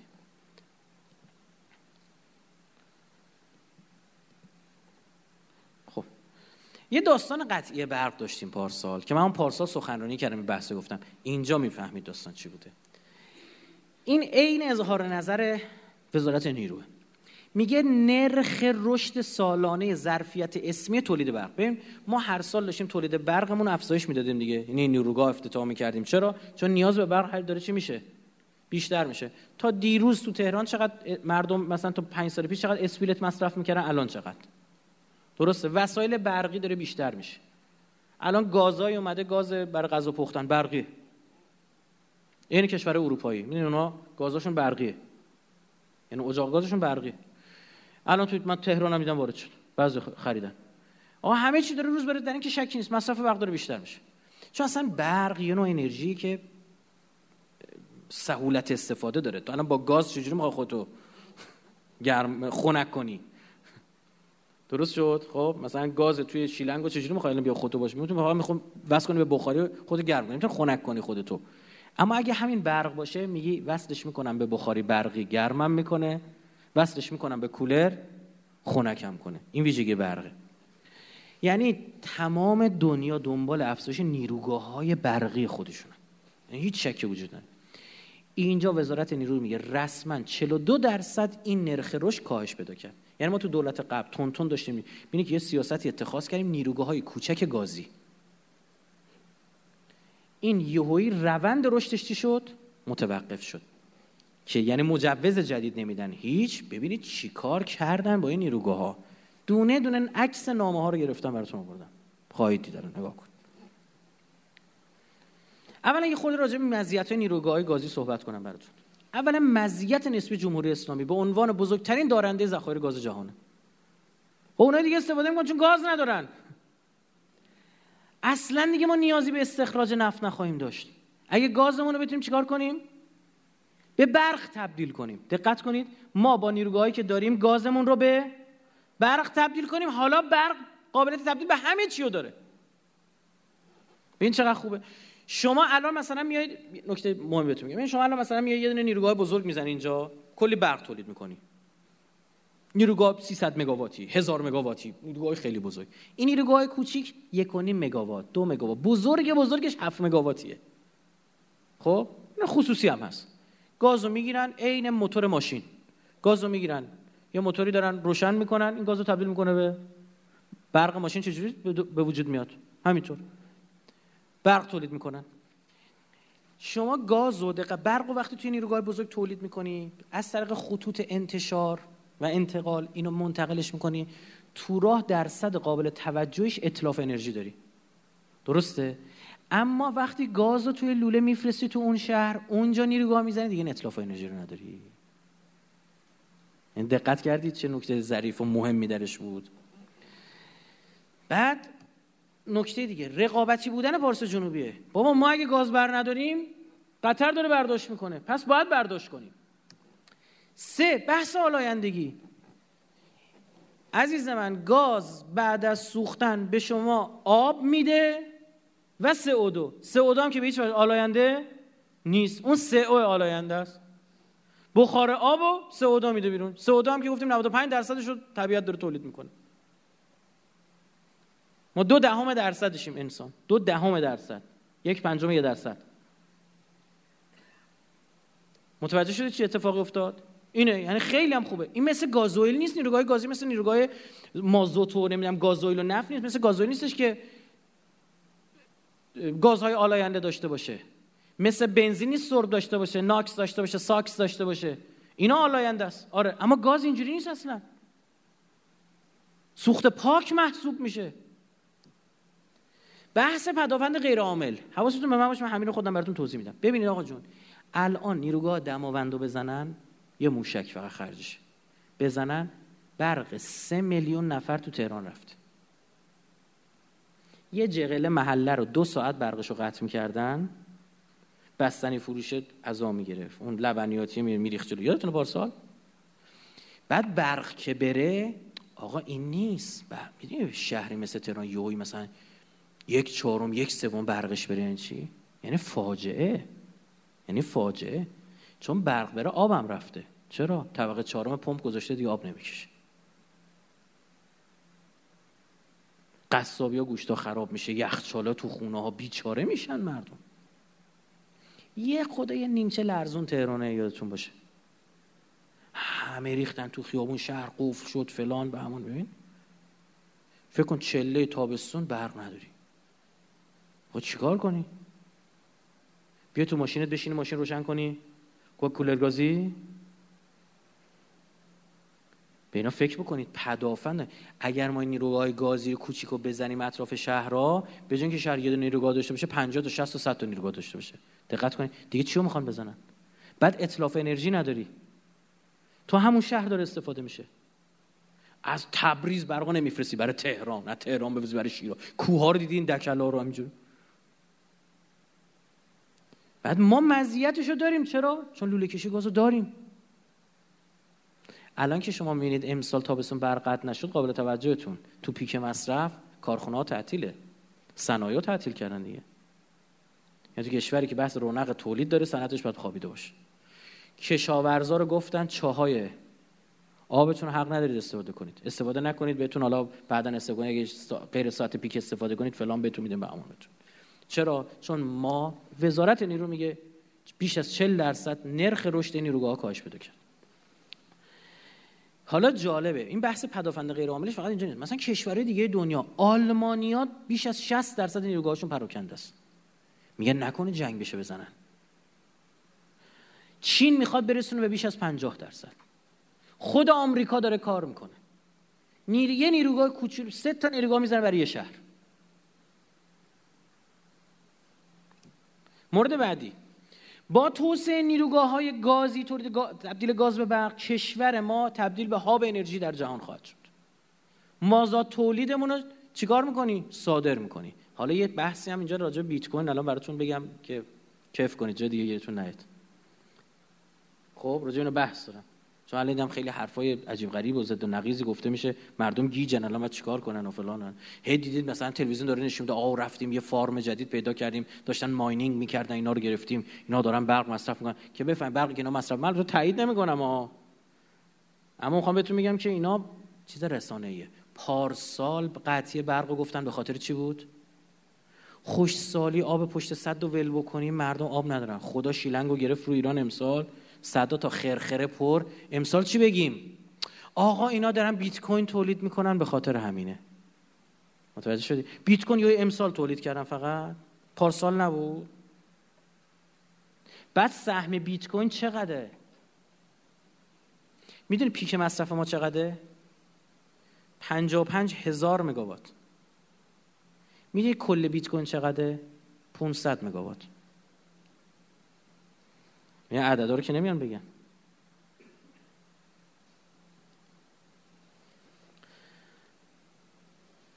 امکان فروش آسان. شما الان ما 20 سال عزا گرفتیم. می‌زنیم تو سر کلمون برای صادرات گازمون به کجا؟ پاکستان و هند. آمریکا اجازه نمیده نمی‌دونم فلان. اما برق. به سادی کسی نمی‌تونه جلوشو بگیره. بعد برق می‌دونید دیگه نیاز فوریه. یعنی تمام کشورهایی که از شما برق می‌گیرن و وابسته به شما می‌کنه. دستتو بزنی رو دکمه بزنی برقی برق قطعه. اسمش روشه. قطع میشه اون موقع نصف شب اون میمونه و تو. سر زور زیر گرما میمونه و تو. که بیاد به نفع تو کار بکنه. خب پارسال به خاطر اون با قطعی برق ما قطعی برق موجب شد که بحث سیاسی شد. حالا بذار جلوتر بگم. بعد ما اینجا باید کلی شبکه لوله بذاریم برای پاکستان. فر... شبکه برق تو پاکستان تو هند تو همه جای کره زمین هست. آماده است. صادر کن. اصلا نیازی نه اصلا بستر این صادرات وارده. پارسال که ما عراق رو برداشتیم گازش برقش رو قطع کردیم چون خودمون برق کم آوردیم. چی شد؟ شورش شد. تو بصره یادتونه ریختن کنسولگری ما رو گرفتن. از گرما. حق دارن. شاکی بودن گفتن ایرانی ها حالا که لازم داشتیم قطع کردن فلان به همان اینجور چیزا. عراقی که تنها سفر موفقیت آمیز اقتصادی آقای روحانی تو این 6 سال به عراق بوده. به خاطر چی؟ به خاطر اینکه ما رفتیم نجاتشون دادیم. به خاطر اینکه ما داعش رو جمع کردیم اونجا نفوذ داریم.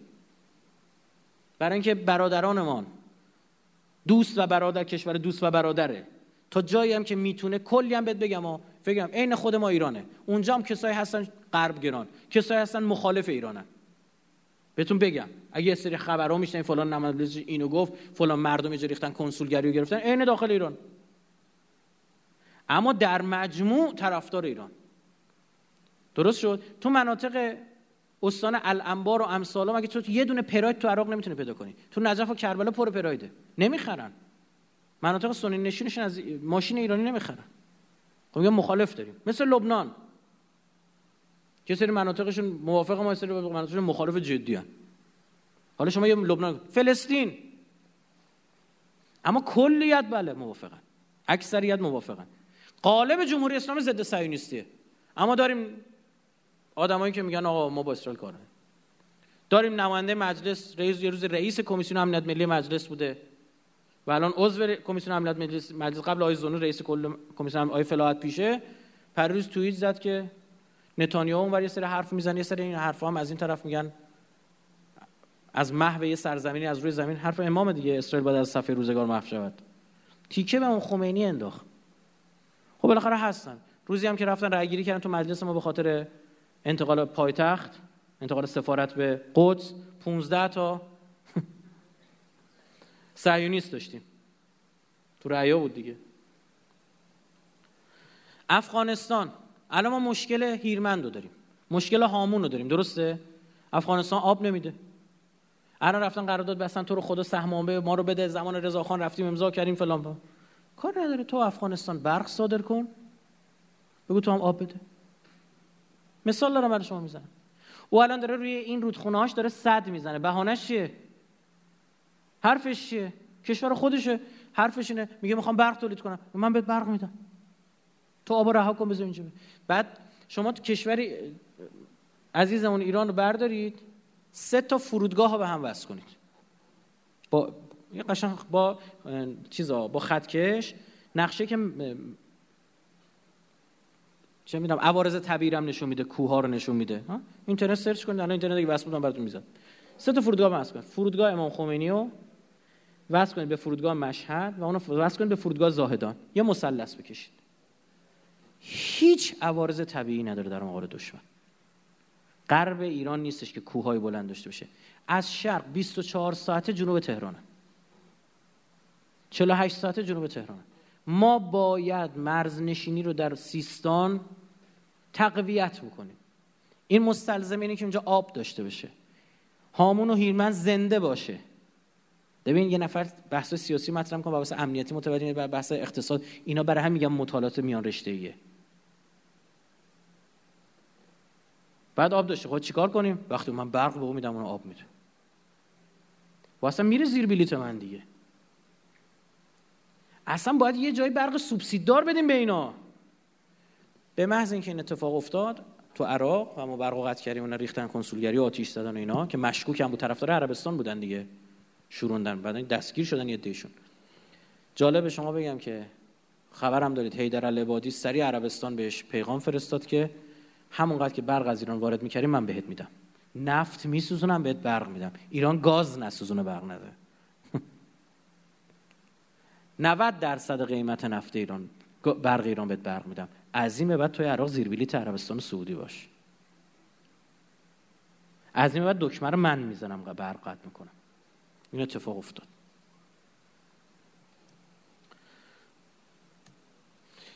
سهولت و فراگیری استفاده از انرژی الکتریکی سهولت استفادهش گفتیم گرمایشی سرمایشی برق همه جا می‌تونی استفاده کنی. دو یه بحث اینجا راجع ماینینگ براتون بگم که به نگاه کنی این رمز ارزها میگن به جای بیت کوین بگید رمز ارز. خب ارز رمز مثلا رمز ارزها خدمت شما عرض بکنم که درد سر کانال های مالی رو نداره ردیابی پولی نمی‌تونین بکنی سویفت و مویفت و این قرتی بازی هیچی وجود نداره. شما هر جای کره اصلا اصلا شما جغرافیا مهم نیست. تو محیط سایبر این تولید میشه. برای اینکه علکی تولید نشه در واقع اینا محاسبات ریاضی باید انجام بده. خب محاسبات ریاضی انجام بده. کامپیوتر باید برق مصرف کنه. برق مصرف کنه مثلا یه ده تراهشی واحدشه. چهل و پنج ماه کار بکنه چهل و پنج ماه کار بکنه یه بیت کوین می‌تونه تولید کنه. این یه بیت کوین چقدر میارزه؟ الان یه بیت کوین دوازده هزار خورده ای دلاره 160 70 میلیون. چقدر میشه؟ ضرب تقسیمش با خود متوجه شدید؟ دیگه 10 تا 8 اون پاییناشو کوچولو موچولو آشه. متوجه شدید؟ خب حالا بریم براتون عرض می‌کنم. ما 222 ساعت پیک بار داریم. یعنی اون جایی که دیگه بیشترین و تابستون و یه اوج گرماست سرجم بزن اینا چقدره؟ 222 ساعت. اوج مصرف انرژی می‌رسه به 50 60 هزار تا دیگه. 55 هزار تا بوده. حالا میگیم 60 هزار تا مگاوات بوده. ما زمستون پیک زمستون ما 30 هزار مگاوات. برقم قابلیت ذخیره سازی نداره دیگه. اوج ابتکار ذخیره سازی که اجرا شده تو همه صد رودبار دیگه. ما دو تا صد داریم. وقتی برق لازم داریم آب و ول می‌کنیم برق تولید می‌کنیم میرزه تو صد پایینیه. وقتی برق اضافه داریم پمپاژ می‌کنیم آب دوباره برمیگردیم بالا. اینه دیگه برق نمیشه ذخیره کرد. خب؟ و تو شبکه هم از بین میره.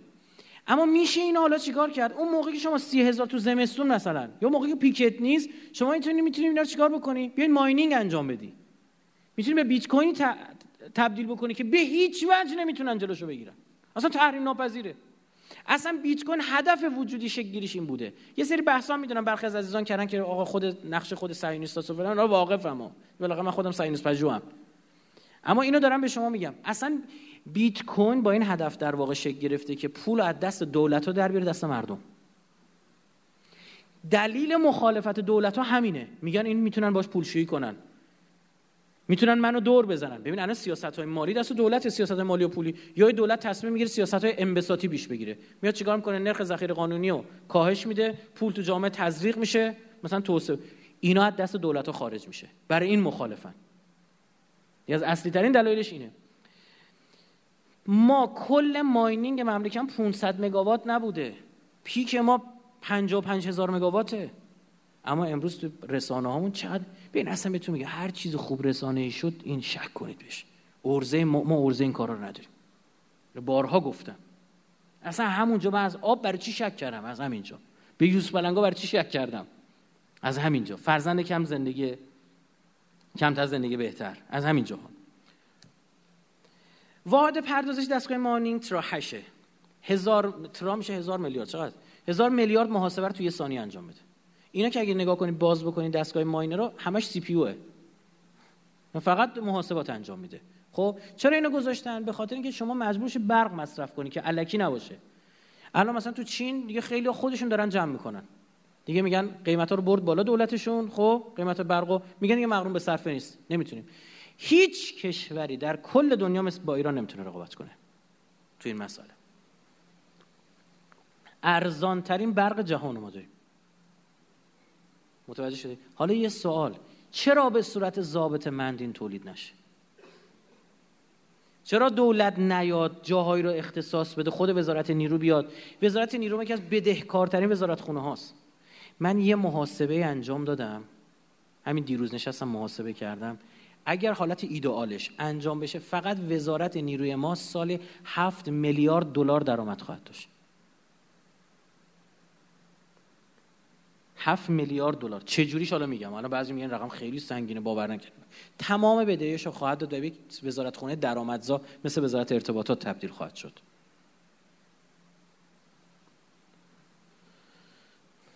اولا کمی راجع به فارمای بزرگ دنیا صحبت کنم. یکی از بزرگترین تو آمریکاست آقای دیو کارلسون از مهندسان مایکروسافت بود. یه مرکزی با 1700 جی پی رو انداخته با ظرفیت 1300 راهش. بعدی فارم جنسیس این فارم دیوید کارلسون جالبه خوب بدونید با چیز کار می‌کنه. خودش رفته نیروگاه آبی زده. رودخونه رو برق باش تولید می‌کنه اومده فارم گذاشته. یعنی برق تولید خودش رو داره درآمدزایی می‌کنه. فارم جنسیس توی ایسلند و کانادا زمین گرماییه این مدل های جدید برداشت. حفر می‌کنن با اختلاف دمایی که توی زمین وجود داره به سطح زمین. این برق تولید می‌کنه. و از اون دارن تازه تولید می‌کنن هزار تراهشه ظرفیتش. فارم مین مغولستان. مغولستان. 2500 تا ماینر داره روزی 1700 بیت کوین تولید می‌کنه. عددش رو ضرب و تقسیمش به خود باور نکردنیه درآمدزاییش فارم دالیان چین 36 هزار تراهش ظرفیتش بود. 3 درصد بیت کوین دنیا اونجا تولید می‌شد. چون چین هم می‌دونید که برقش جز برقای ارزون دنیاست. اما با ما خیلی فاصله داره. فارم گرجستان. فاری گرجستان. من اینجا با غین نوشتم اشتباه تایپیه. فاری گرجستان. دمای سرد گرجستان باعث شده که برای خنک کننده ها کمتر بخوان برق مصرف بکنن اینها. دولتشون هم شدیدا تحت حمایت قرار داده. یارانه داره میده میگه این کار انجام بدید این طرف ما چی داریم؟ چیز عجیب به شما بگم. نیروگاه گازی ما ببین چه بلای سرشون. نیروگاه گازی خصوصی. برنامه ریزی دقیق برای تعطیلی و ورشکست کردن نیروهای کوچیک نیروگاه کوچیک گازی ما داره صورت می‌گیره. برنامه ریزی دقیق. یعنی حالا ببینید چه جوری. از چند جهت. یک بخش پاریس رو دیدید دیگه که باید نیروگاه گازی رشدش متوقف می‌شد. و دقیقا هم چیه؟ شد. و همین توقف رو ما در قطعی برقی پارسال و امسال هم که الان شما خونه ها رو قطع نمی‌کنن می‌خواد که صنایع رو قطع کردن. می‌خوان اثر سیاسی نداشته باشه. سر این ماجرای بیت کوین رو علم کردن. اولین کاری که صورت گرفته برق اینا رو ارزونتر از قرارداد می‌خرن این بدبختا رو. یعنی به قرارداد میگن این تومن ارزونتر می‌خرن. می‌خرن شش ماه بعد پولشو میدن. برق و هر کیلووات ساعتش 110 تومن از اینا می‌خرن. در حالی که هزینه تمام شده برای خودشون 160 170 این نیروگاه یه مگاواتی این کوچولوها. خصوصی گاز رو میده تبدیل می‌کنه به برق. متوجه شدید؟ بخار آب میده بیرون و CO2 یعنی دارن سنگ اندازی می‌کنه اینو تعطیل کنه. حقوق کارگراشون رو ندارن بدن. من چندین نیروگاه خودم استان خراسان اینا رفتم. با مسئولینشون نشستم صحبت کردم یه تعطیل شده بودن روی خصوصی. گریه می‌کردن ها بندگان خود بعد 160 170 بدون بازگشت سرمایه و استهلاک. فقط همین هزینه های عادی پرسنل تجهیزاتشون باید 160 بفروشن که بتونن اینا رو بدن. 110 ازشون می‌خرن. نقطه مقابل انرژی های نو رو می‌خرن. ببین اینو 110 نمی‌خرن بدبخت بیچاره رو. خب اونا رو چقدر می‌خرن؟ هزار هزار صد. یعنی شما اگه بری خورشیدی بزنی برق تو 1100 می‌خره هر کیلوواتشو هزار می‌خرن. اگه نیروگاه گازی بخری یا نمی‌خرن یا بخرن 100 می‌خرن. چند برابر؟ ده برابر. یعنی قشنگ به زبون بی زبونی. تو تعطیل کن تو شروع کن. یادمون نره نیروگاه خورشیدی برای کجا بود؟ معاهده پاریس. این برنامه ریزی دیگه وگرنه چه؟ بعد وارداتش هم که دست آقایون پورسانت می‌گیرن اون وسط. پورسانت می‌گیرن که فقط معامله جوش بخورین کارشو بتونه انجام بدن. اینکه گفت آیه چیچیان که بیاد اینجا بزنید 11 سنت ازتون می‌خریم. همینه دیگه. در واقع پول می‌رسه به طرف اروپایی پول مملکت ما. مثلا در یک ماهی که طول کشید وزیر نیرو عوض بشه تو همون یک ماه کلی رفتن قرارداد بستن. همون یک ماه. راند یه کار دیگه باز کردن. اومدن نامه زدن یه راندمانه عجیب غریبی بر این بدبخت نیروگاه تعریف کردن. میگن شما باید 35 تا 40 درصد راندمان داشته باشی بازده داشته باشی. وگرنه بعد ما باید گاز نمیشیم تعطیلش کن یا گاز گرون بهت میدیم که دیگه براش مغروم به صرفه نباشه. حالا جالب نیروگاه های قدیمی ما داریم که راندمانشون 10 درصده با اونا کار ندارن. نیروگاه بزرگ قدیمی. این کوچولایی که می‌خوان شکل بگیرن و اینا خیلی منطقی شکل گرفتنش و به نفع منافع ملی اینا رو دارن می‌زنن. الان اسناد شارتون نشون نامه نشون میدم براتون. گفتن باید بازدهتون رو ببرید روی 55 60 خدا شاهده هیچ نیروگاه تو کره زمین نداریم. فقط آلمانا آمریکایی‌ها پایلوت کار کردن. خودشون هم بقیه نیروگاهاشون 55 60 نیست. زیر چهله همه. یعنی تو ببین مرز دانش دنیاست که اونا مثلا چیکار می‌کنن؟ میان با یه سیستم بازیافت حرارت اون بازدو بردن بالا. همینجا میشه چه کاری که مثلا این داره حرارت تولید می‌کنه حرارت میشه میره کنارش کارخونه میوه خشکانی بزنی. درست شد؟ اما اونا ندارم این کار انجام مرز دانش دارم میگه تو باید به مرز این بشه وگرنه من بهت گاز نمیفروشم. سلولای خورشیدی سولار سل ها قیمتش ده برابر این تموم میشه این اطلاف منابع ما نیست. تو دوره که ما تحریمیم ارز نداریم کمبود پول خارجی داریم کمبود دلار داریم قیمت سولار سل ده برابر برقش تموم میشه خودمون گاز مفت داریم خدادادیه. کدوم آدم عاقلی میاد این کار می‌کنه؟ و اینو جالبه. اینجا فقط به صنعت برق اینا دارن می‌زنن. نگاه کنید صنعت پتروشیمی ما فولاد ما سیمان ما مواد غذایی ما داره انرژی رو یک دهم قیمت جهانیش مصرف می‌کنه که می‌تونه رقابت کنه دیگه. درسته یا نه؟ بیاد بگه فلان. چرا اونجا اینجوری کار نمی‌کنه باشون؟ چرا نمیاد به فولاد بگه که من به تو برق انقدی میفروشم؟ ها؟ به دقت کنید فقط روی برق. چون اینجا الان این مبناست. چون اگه شکل بگیره ببین ما به, به معنی واقعی کلمه به هاب انرژی در نه تنها منطقه در دنیا تبدیل خواهد کرد. که اینجا فقط دیگه گاز نیست ما برق هم داریم. چون چون بعد ما دو برابر سود می‌کنیم. یه ارزش افزوده تبدیل گاز به برق داریم. اگر ماینینگ هم انجام بدن این نیروگاه ها از برق به ارز دیجیتال هم یه ارزش افزوده داره. خب شما که تحریمی تحریمی دقیقا می‌خواد بگه تو چجوری رد پولی تو بزن؟ چرا ماینینگ انجام نمی‌دید که نتونن ردتون رو بزنن؟ به صورت کنترل شده. بیا به این نیروگاه. حالا جالبش من چه این نیروگاه که ازشون برق نمیخریدن. برق هم میخریدن ارزون میخریدن. اومدن یه چیزی گفتن. گفتن چی؟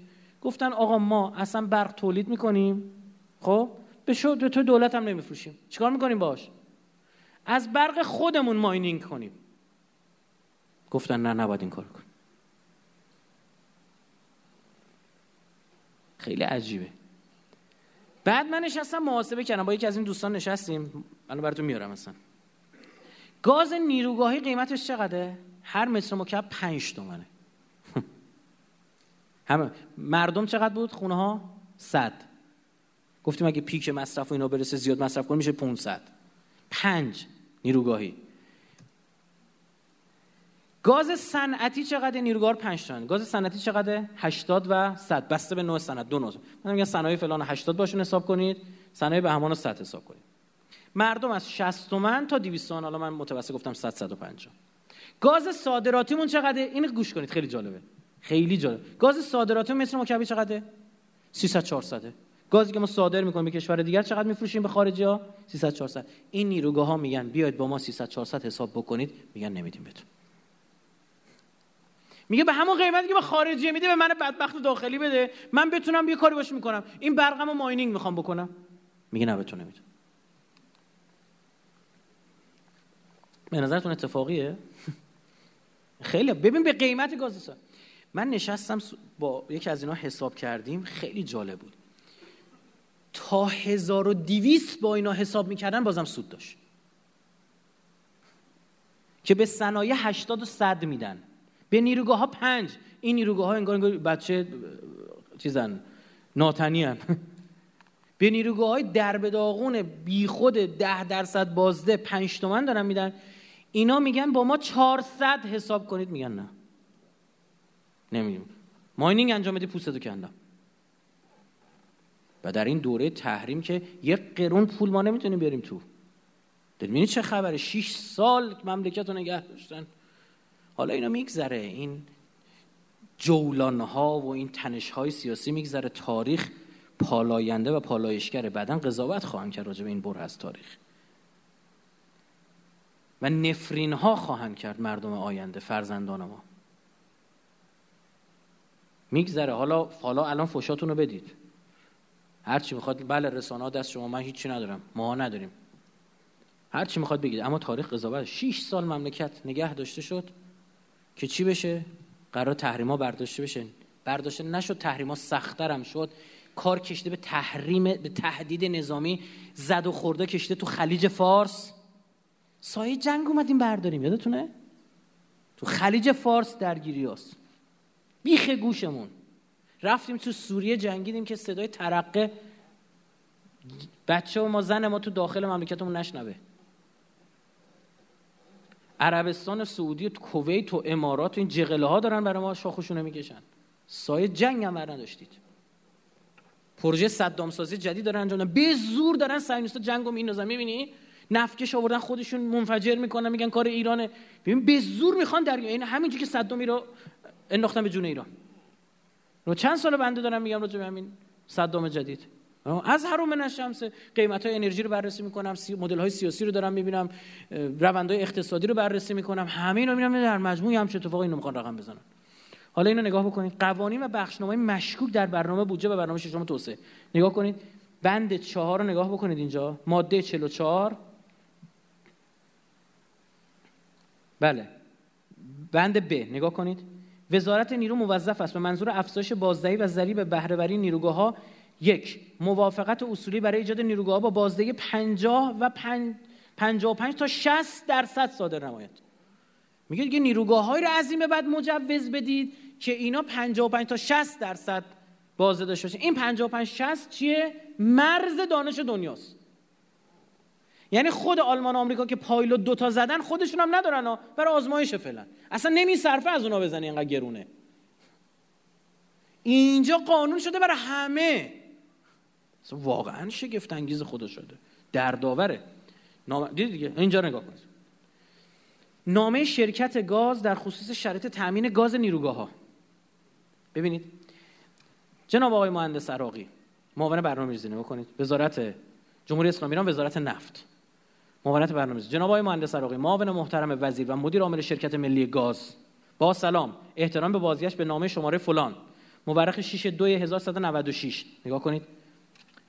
به استرضا میرساند. با تخصیص گاز طبیعی به طرحهای جدول شماره یک پیوست و بر مبنای شرایط زیل موافقت میگردد. میگه ما به این شرط قبول می‌کنیم. بررسی تقاضای گاز طبیعی مولدهای مقیاس کوچک. دقیقا همین نیروگاه گازی کوچک رو داره میگه. این چی میگه؟ ضمنا تقاضای طرحهای نیروگاهایی که میزان مصرف گاز آنها از برآورد تقاضای گاز طبیعی بر مبنای راندمان 42 درصد بیشتر بوده طرح جدول شماره دو قابل تامین نمی‌باشد. رسما معاون ژنرال زنگنه نامه زده اینایی که زیر 42 درصد گاز دیگه بهشون ندید. نامه ایناست دیگه به من چرا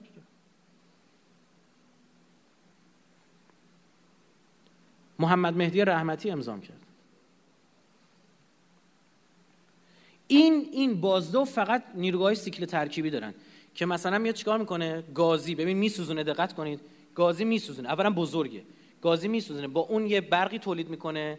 این دود اگزوز چجوری میاد بیرون؟ هوای گرم میاد بیرون. هوای گرمشو میره با بخار. آب و بخار می‌کنه با بخار باز یه توربین دیگر میچرخونه. اینا نیروهای 300 مگاواتی 400 مگاواتی اونجوریه. یه نیروگاه کوچوله یه مگاواتی که اصلا اون حرارتی که از اون بیاد بیرون کدوم آبو می‌خواد بخار کنه؟ با اون بخار کدوم توربین می‌خواد بچرخه؟ بعد جالبه. وزیر نیرو آقای چیتچیان نامه می‌زنه به اسحاق جهانگیری. میگه این چیه این بابا امضا کرده برای ما فرستاده؟ داده چیچیان خودشون در اومده. عکس نامه رو شما ببینید تصویر نامه. نمیشه جناب آقای دکتر جهانگیری معاون اول محترم رئیس جمهور با سلام و احترام. با عنایت به نامه شماره فلان مورخ 2396 معاون محترم برنامه‌ریزی وزارت نفت. پیوست. در خصوص یعنی آوردم نامه رو تو پیوست است. در خصوص تخصیص گاز طبیعی به نیروگاه ها بر اساس راندمان الکتریکال خواهشمند است. دستور فرمایید با توجه به موارد مشروع ذیل نسبت به ابطال مفاد مذکور اقدام او تو رو خدا اینو قطعش کن جلوشو بگیرین چه؟ بخش نامه این چه درخواستی کرده؟ گفته که شرکت گاز به نفت نفروشه گاز نفروشه. چرا؟ با توجه به این شروع کرده علمی توضیح دادن. با توجه به اینکه تولید برق مولدهای مقیاس کوچک عمدتا در محل مصرف و در سطوح پایین ولتاژ صورت می‌گیرد. موجب ایجاد صرفه‌جویی قابل توجهی در بخش‌های انتقال فوق توزیع و فوق توزیع و توزیع میگرن میگه بابا اینا چون تو محله دیگه توزیع انتقال برق از این شهر به اون شهر رو نداره. از غذا اینا خیلی هم خوبه. دقیقا مغروم به صرفه هم از اینا باشه. از آنجا که مقیاس صرف راندمان مولدهای مقیاس کوچک با نیروگاه بزرگ موجب قفلت بخش مهمی از صرف جویی صورت گرفته در مصرف سوخت به واسطه تولید برق در این مولدها می شود ضروری است تا مقیاس مقایسه راندمان مولدهای نیروگاه کوچک نسبت به نیروگاه بزرگ به صورت خالص و پس از لحاظ, پس از لحاظ تلفات شبکه انتقال و توزیع صورت پذیرد. میگه می‌خوای مقایسه کنی نیروگاه بزرگ با نیروگاه کوچیک؟ اول ببین تو محل مصرف نیروگاه بزرگ چند درصد رسونده؟ چون کلیش تو راه میره. میگه اینجوری لحاظ کن منم قبول دارم. ببین با این وجود. بعد میاد برای اینکه جهانگیری متوجه مسئله بشه براش مثال می‌زنه. میگه که به عنوان مثال در صورتی که راندمان یک مولد مقیاس کوچک در محل تولید 42 درصد در نظر گرفته شود با لحاظ تلفات شبکه انتقال به میزان دو 82 89 صدم درصد و متوسط تلفات شبکه توزیع معادل 11 و 9 درصد راندمان این مولد معادل راندمان یک نیروگاه بزرگ 49 درصدی در محل است. میگه اگر تو داری میگی اینو 42 درصد بدون انگار داری نیروگاه بزرگ و میگه 49 درصدی باشه. براش مثال زده قشنگ. این کار به یعنی دقیقا یه معاونت تو وزارت نفت یه نامه اینجوری بزنه. اون طرف پاریس اون کار کنه. اون طرف وزارت نیرو برن قرارداد ببندن. این طرف سولار سلا وارد بشه. این طرف برق اینا رو نخرن. طرف بگه به برق صادراتی به ما برق گاز بفروشید. به قیمت گاز صادراتی. خودمون یه کاریش می‌کنیم. بگه بهتون نمیفروشیم. باید بالای 55 60 درصد بازده داشتیم. میگه 55 60 درصد کره زمین وجود نداره. با شما می‌خوایم داشته باشیم. شما برو ماشینات رو درست کن. برو آلایندگی این کثافت این مصرف سوخت وحشتناک شما با یه جمع کردن مز کارت سوخت. یه کارت سوخت رو جمع کرد دولت دیگه. گفت طرح بی خود بوده یه کارت سوخت جمع کرد. این همه قاچاق سوخت داری. الان دوباره به چه نتیجه رسیدن؟ سر ماه برید کارت سوختاتون رو بگیرید.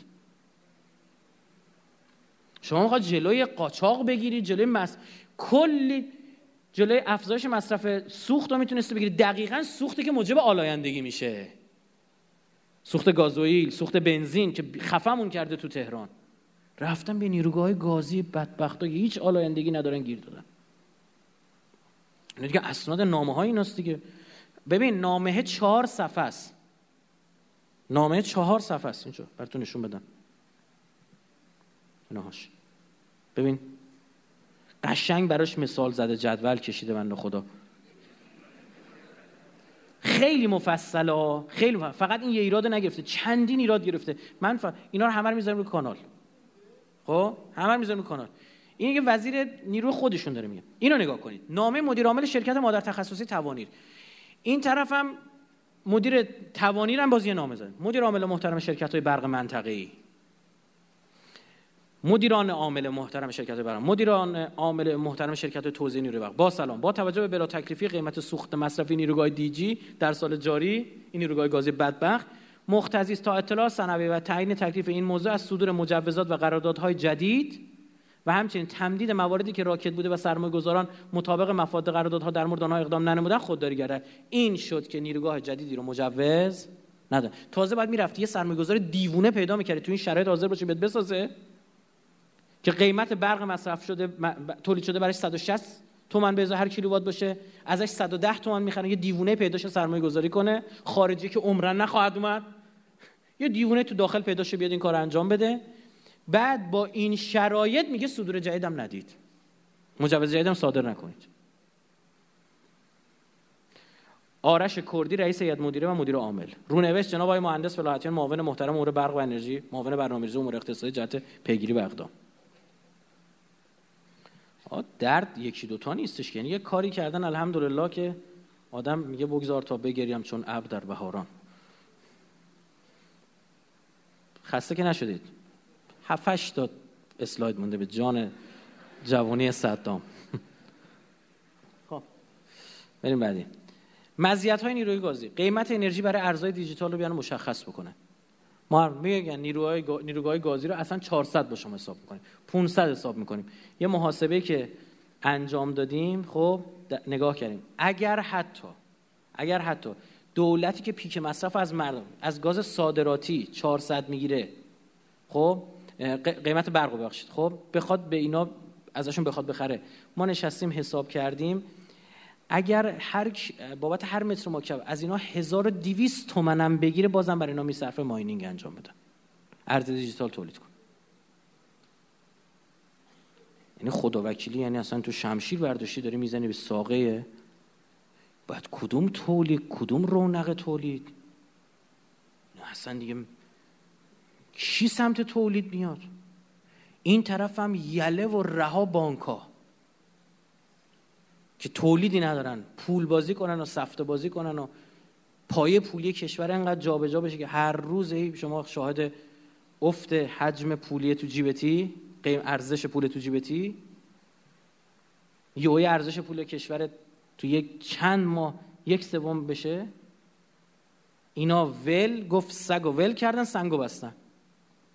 میگم دیگه میگم اگر کلا سیاستت ول کردن ما روش شناسی کنیم شما رو دیگه. کلا هم سنگ رها هم سگ رها. اگه کلا بستن هم سنگ بسته هم سگ بسته. چرا قشنگ؟ سگه رو ول کردی سنگه رو بستی؟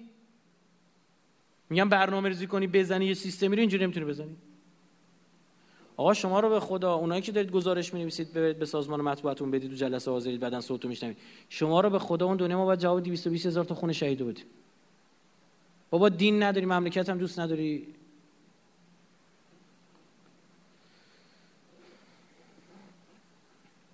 حتی اگه دولت برق و 600 تومنم بده 900 تومنم بده.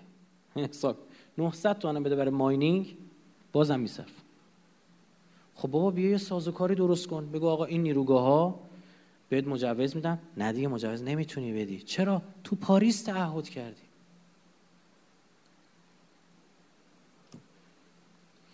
ابعاد سیاسی و امنیتیشو تون بگیم و شرش کنده بریم.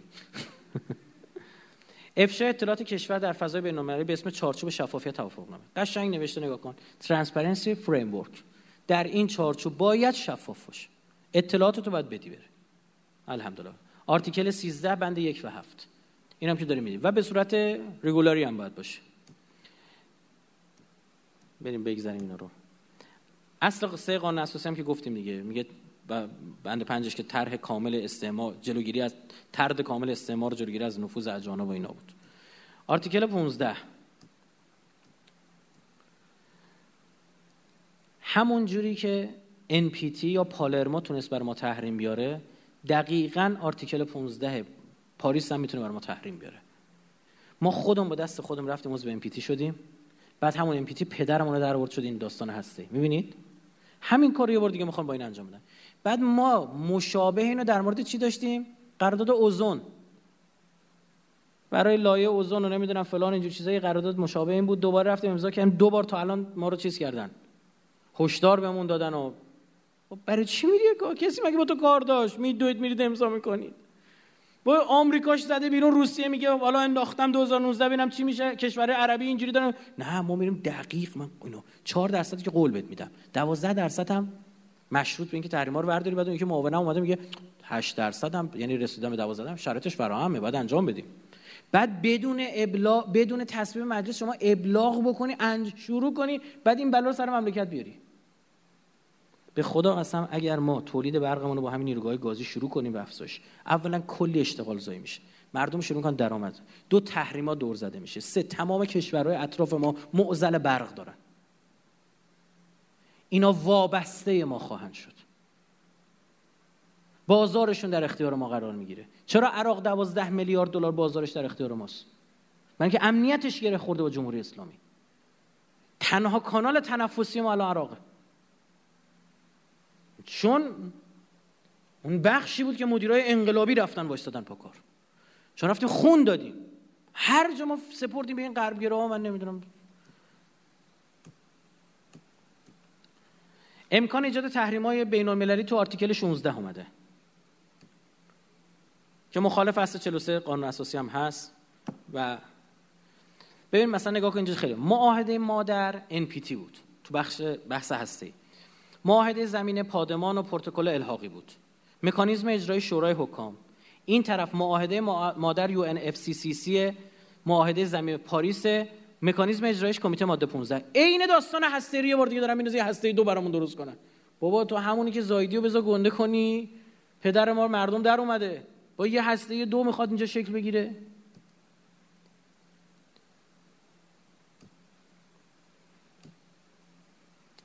سال مهم. زمانی که می‌خواستیم بریم عضو MPT بشیم این چی ها می‌گفتن؟ قراره بریم توسعه هسته داشته باشیم. برق هسته ای می‌دونید چقدر خوبه؟ برق پاک فلان به همون آره باشه بریم. مگه با همین حرفا نبود؟ آقا قرار بر ارائه اطلاعات در چارچوب شفافه باید هر چی هسته داری بری بگیش بهشون بگی. عین همین سازوکاره بعد چی شد؟ آقا انتقال فناوری های هستی. همه چی بهت میدیم برات مییم نیروگاه می‌زنیم. بیا برو. هیچی ندادن. خودم پدرمون در اومد چند برابر قیمت در روستا رفتیم منت کشیدیم خریدیم آوردیم. نیروگاه بوشه چرخه سوخت و رسیدیم. اینجوری شروع کردن ما رو تحریم کردن. تجربه کاهش تولید گاز اوزون نشست 18 دهلی اختار به ایران نشست 19 مونترال هشدار به ایران. و اینا امکان ایجاد جد مشکل ایجاد مشکل جدی برای کشور داره ببین تو بحث حقوق بشر مبارزه با تروریسم گیر میدن دیگه می‌دونید؟ تو حقوق بشر ما گیر میدن مبارزه با تروریسم هم گیر میدن. صنعت هسته هم گیر میدن صنعت موشکی هم دارن گیر میدن. فناوری سایبری هم دارن گیر میدن یه دونه دیگه هم اضافه شد گرمایش زمین. داریم اضافه می‌کنیم. آ تو رو خدا بیا به این طرف هم ما گیر بده دیگه. ما هنو گیردونمون پر نشده. وزیر نیرو در مراسم زنگ مهر 95 در محل پژوهشگاه نیرو. با بیان اینکه امروز بیش از نیمی از جمعیت جهان در معرض خطر افزایش گازهای گلخانه‌ای قرار دارند تاکید کرد در صورت عمل نکردن ایران به تعهدات خود در معاهده کاپ 21 پاریس کشور با تحریم به مراتب شدیدتر از تحریم های هسته‌ای مواجه خواهد شد.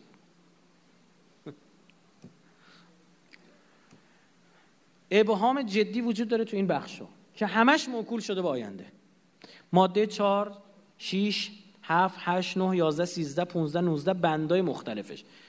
هر کدوم که دیگه من وقت نیستش همینجوری توی فیلمش میدیم تصویرش فقط بذارن دیگه بخونیم. تمام اینا موکول شده با آینده تو آینده هم هر تصمیم می‌تونن بگیرن. ببین چقدر اهمیت داره. تعیین میزان انتشار ارزیابی ایفای تعهدات بر اساس راهنمای کاپه تغییر NDC بر اساس راهنمای کاپ. همین می‌خواد تو آینده تو کنفرانس آتی چی بشه؟ نمی‌دونیم.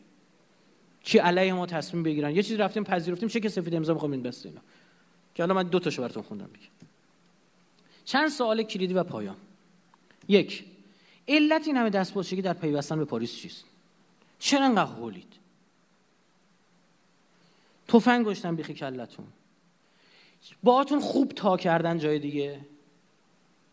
تو مذاکرات هسته خیر دیدی؟ علتش چیه؟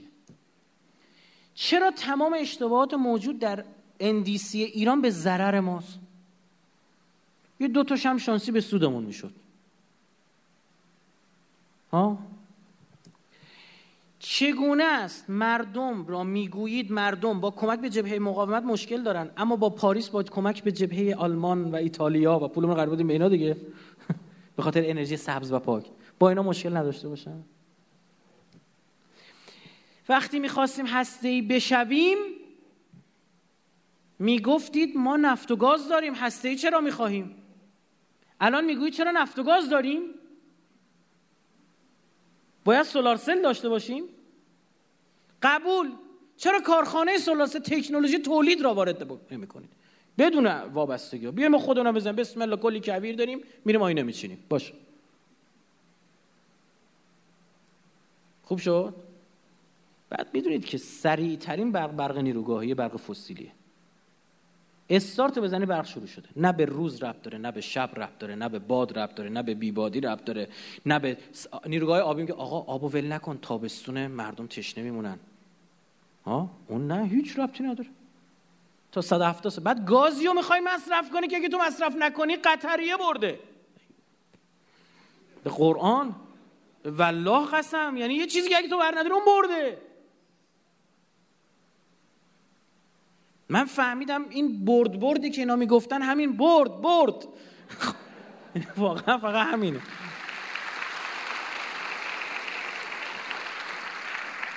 ای کاش اینجوری که شما جوانا سخنهای منم گوش می‌کردید یه بارم این مسئولین میشستن گوش می‌کردن.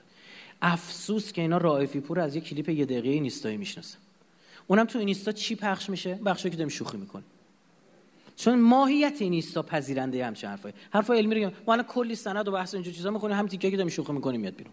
آت خانم رفت امضا کرد. دای بود امضا کرد. میاد یارو سخنرانی می‌کنه استنداپ کمدی اجرا می‌کنه. چی به چیه؟ چند چند همینه دیگه. دستتون می‌رسه به این موجودات برش بگو جون مادرت من یه درخواست هست یه یکی از این خانمایی که با این سخنرانی ها تغییر کرده بود من تلویزیون داشتم می‌دیدم. ایشون گفتش که به بابام گفتم من یه درخواست می‌تونم با من دخترت ازت داشته باشم. گفت دو ساعت تو عمرت وقت تو به من. دیگه باد کار ندارم. خب چیکار کن بیا با هم بشیم سیدی رو نگاه کن. میگه گوش کرد بابام نماز خون شد. اینه دیگه وقتی شما یه دقیقه سی ثانیه فلان به همان اینجوری. بعد فضا چیه؟ فضایی که دقیقا می‌خوان تو رو یه آدم سطحی نشون بدن. جز اینه؟ من اینجا بحث سیاسی کردم اقتصادی کردم انرژی کردم. ریز با جزئیات قیمت فرمول محاسبه. همه چینا گذاشتم. کجا گیر میاری اینجوری؟ ده تا متخصص باید بشینن یه همچین بحثی رو برای تو جدا جدا ارائه بدن خودت سر در بیاری تازه برات به زبون مادری به زبون قابل فهم هر جاشو ثقیلش کنی آسون برای مردم بگی. اینا تو رو خدا اگه دستتون می‌رسه مردم این سخنرانی شفافی این سخنرانی روایت عهد بدید اینا گوش کنن یکی از مجری تلویزیون اومد دفترمون خیلی هم آدم خوب شریفی. بعد گفت من حلالم کن. گفتم چرا؟ گفت من خیلی فوشت می‌دادم. گفت مری چی؟ گفت یه چند وقتی شیش ماهی دارم سخنرانی تو گوش میدم. قبلا با یه کلیپ تختی شده اینجوری همون برداشت کرد. بچه انقلابی ها. اینا جبریلی چند وقت پیش متن نوشت در مورد اون دیدی نه گفت آقا من خودم کسی بودم زمانی که تو فارس بودم رایفی اومد مسابقه کردم به دو نفر زنگ زدم چرا اینو راشد بیاد مسابقه؟ فارس نیوز. تازه. خب بعد میگه یه روز جلسه بودیم آیه رضایی بود و این شروع کرد انتقاد کردن و حرف زدن جلسه جلسه خاصی هم بود. به من گفتن نقد بکنید ایشونو منم نقد کردم و. بعد آره یکیشون کاغذ داد خدا شده به من. الهی حضرت فاطمه پشت پناهت باشه ارادت هم بتونم چیزی. همین کاغذا می‌رسید همینجوری. آقا دمت گرم تو که خیلی خفنی از خود ما ببین چیه؟ یه کاری کردن نه فقط نه تو جبهه ضد انقلاب انقلابی ها فوشت میدن. یه بار بیا بشینید بشینیم حرف بزنیم چند چند. این قدرت رسانه دشمن و چیه خودیا بگم؟ چرا بابت جنایات جهانی کشور توسعه یافته بازخواستشون نکنیم؟ ها؟ کم گن زدن به محیط زیست سم دیوکسین که اینا استفاده کردن در به تایوان ویتنام. هنوز که هنوز بچه های ناقص الخلقه دارن به وجود اورانیوم ضعیف شده که استفاده کردن در عراق و خوب بدونید با همین ریزگرده داریم یه تو خوزستان. و باید پژوهش های صورت بگیره. تو عراق پژوهش صورت اینجا صورت بگیره. ببینیم آیا نسبتی بین سخت جنین و سرطان و اینجور چیزا و این ریزگردا وجود داره یا نه؟ علوم پزشکی اونجا بره انجام بده. یه بار شد یه خورده غیرت داشته باشید باشید برید بازخواست بکنید تو جهان. بگید اینا باید هزینه هم بدن پرروبازی هم در میارن. چرا بسیاری از این اتفاقات توسط همین تیم در حال رخ دادن است؟ سوال من. چرا همونه که برجام و اینجوری خوشگل پیش بردن همونه که پاریس رو در اینجا خوشگل پیش می‌برن به شدت به دنبال تصویب FATF هن چرا یه تیمه؟ چرا در سالهای اخیر سازمان محیط زیست رفتارهای ضد ملی جدی دارد؟ چرا وقتی می‌خوایم آب شیرین کن بزنیم می‌گوید آب خلیج فارس شور می‌شود؟ عربستان بزند ایرادی ندارد کویت بزند ایرادی ندارد. داد رئیس جمهور در میآید. روحانی خوش داد رفتید یه مقاله رفتن گشتن آوردن پیدا کردن. یعنی چی؟ شمال ما آب داشته باشه جنوب ما آب داشته باشه ما تشنه باشیم. آباد آب شیرین کن بزنیم. سر یوس بلنگا این داستان پیش بیاید. جاسوس های محیط زیستی معاون محیط زیست فرار بکند کاوه مدنی آنور آب. بحث امنیت غذا رو زیرابش رو بزنن با عنوان آب هست ولی کم است. که آب هست ولی ول است. چرا اینا توی محیط زیست سوال دیگه. جز اینه من یه سوال برام پیش اومد آقا جون. چرا تو محیط زیست داره اتفاق میفته؟ از ابتدای انقلاب 45 تا تعهد خارجی داشته. چرا 32 تاش مال این دولت؟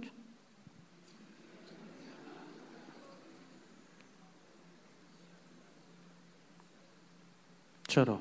سه چهارمش راهبردهای پیشنهادی چیه؟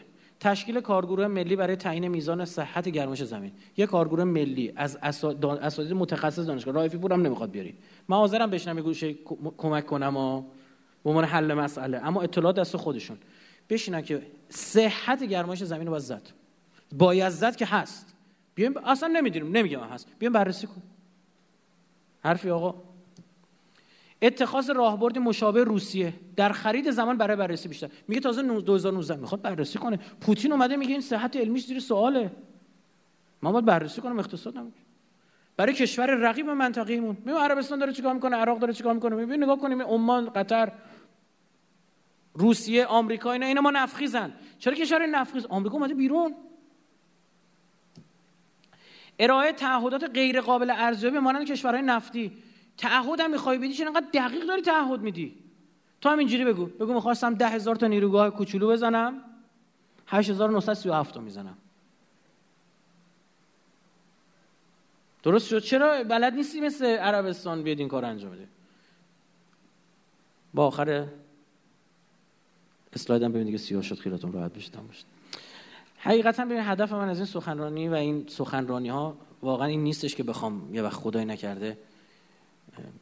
نمی‌دونم بحث حزبی و جه. اون شماهایی که حالا این سخنرانی من یعنی پامنبری محسوب میشه. من حقیقتا خدا شاهده چپ و راست و اینجور چیزا برام مهم نیست. اما در مجموع وقتی نگاه می‌کنیم اینی یه سری یک, جریان و حزب خاصی تو یک سری کنشگری ها تره این هست دیگه. واقعی. مثلا جان اصولگرا به امنیت حساس ترن. این هست. اصلاح طلب تو بحث آزادی های اجتماعی حساس من بحثم سیاسی واقعا نیست. حقیقتا نیست. می‌دونم هم الان ببین تا انتخابات چقدر مونده. این خط این نشون. دوباره دو قطبی های اجتماعی کل لخ کردن هجاب مجاب میاد بالا. دوباره شیره به مالن کل ملت. آفتاب لگن هفت است شام و هیچی. نون نداره بخوره. بحثای هجاب برد. شما نگاه کنید نماینده مجلسشون شروع کردن. شروع کردن بحثا که مطرح کردن نماینده مجلس یه طیف خاص سیاسی. معلومه کارنامه اقتصادی معیشتی هیچ منفی صفرم نه. یه بار دیگه بشینید مناظرهای ریاست جمهوری و وعدایی که داده شده نگاه کنید. یه بار دیگه بشین نگاه کنید. چه ایرادی؟ نگاه میشید فیلم های الکی تکراری و نمی‌دونم چی و اینا نگاه می‌کنید. بیاد بشین نگاه کن. اینا هم به جای ساخت سریال گاندو بیان یه سریال بسازن. از توش هم سوال تر کنن سکه و آرازادی بدن. که ملت نگاه کنن. سریال چی؟ سریال مناظره ریاست جمهوری. یه بار دیگه همینا رو پخش کن. همینه. ولش کن. تعجیل در فرج قطب عالم امکان حضرت صاحب زمان. خداوند انشالله همه ما را از مسببان اصلی و خیر زور آقا قرار ده خیالتون راحت. جوونا بیدار شدن. دوره قاجار و اینا گذشت پهلوی و اینجور چیزا. صد تا جوان من می‌شناسم که حساس شدن به این مسائل این معاهده رو میرن بررسی می‌کنن حرف می‌زنن این طرف اون طرف. رسانه دارن درست می‌کنن. ولو یه پیج کوچولویی داره یه کانال کوچولی داره داره حرفشو می‌زنه. این اتفاق افتاده. من امیدوارم به آینده. کی ما می‌تونستیم؟ همین همین سخنرانی یعنی همین. همین که شما هم میشینی از هشت صبح بیاد کلاسات تا دوازده. بعدش هم ساعت سه و نیم. ساعت چنده؟ سه و تا یه رو به هفت. توی این گرمای تابستون سالن گرم بشین. این یعنی و سر کلاس دانشگاه عمرن نیم ساعت نمی‌تونن نگه دارن. خب همه اینا نشون میده که یه علاقه وجود داره و یک دغدغه به وجود میاد. این دغدغه جنسش از جنس کشتن نیست. نمی‌تونن از بین ببرن. خیالتون تخت. این امید شکل گرفته و انشالله بتونیم با کمک هم یاری امام زمان اجل الله مسیر درست پیشرفت کشورمون و انقلابمون رو طی کنیم. صلوات بفرمایید.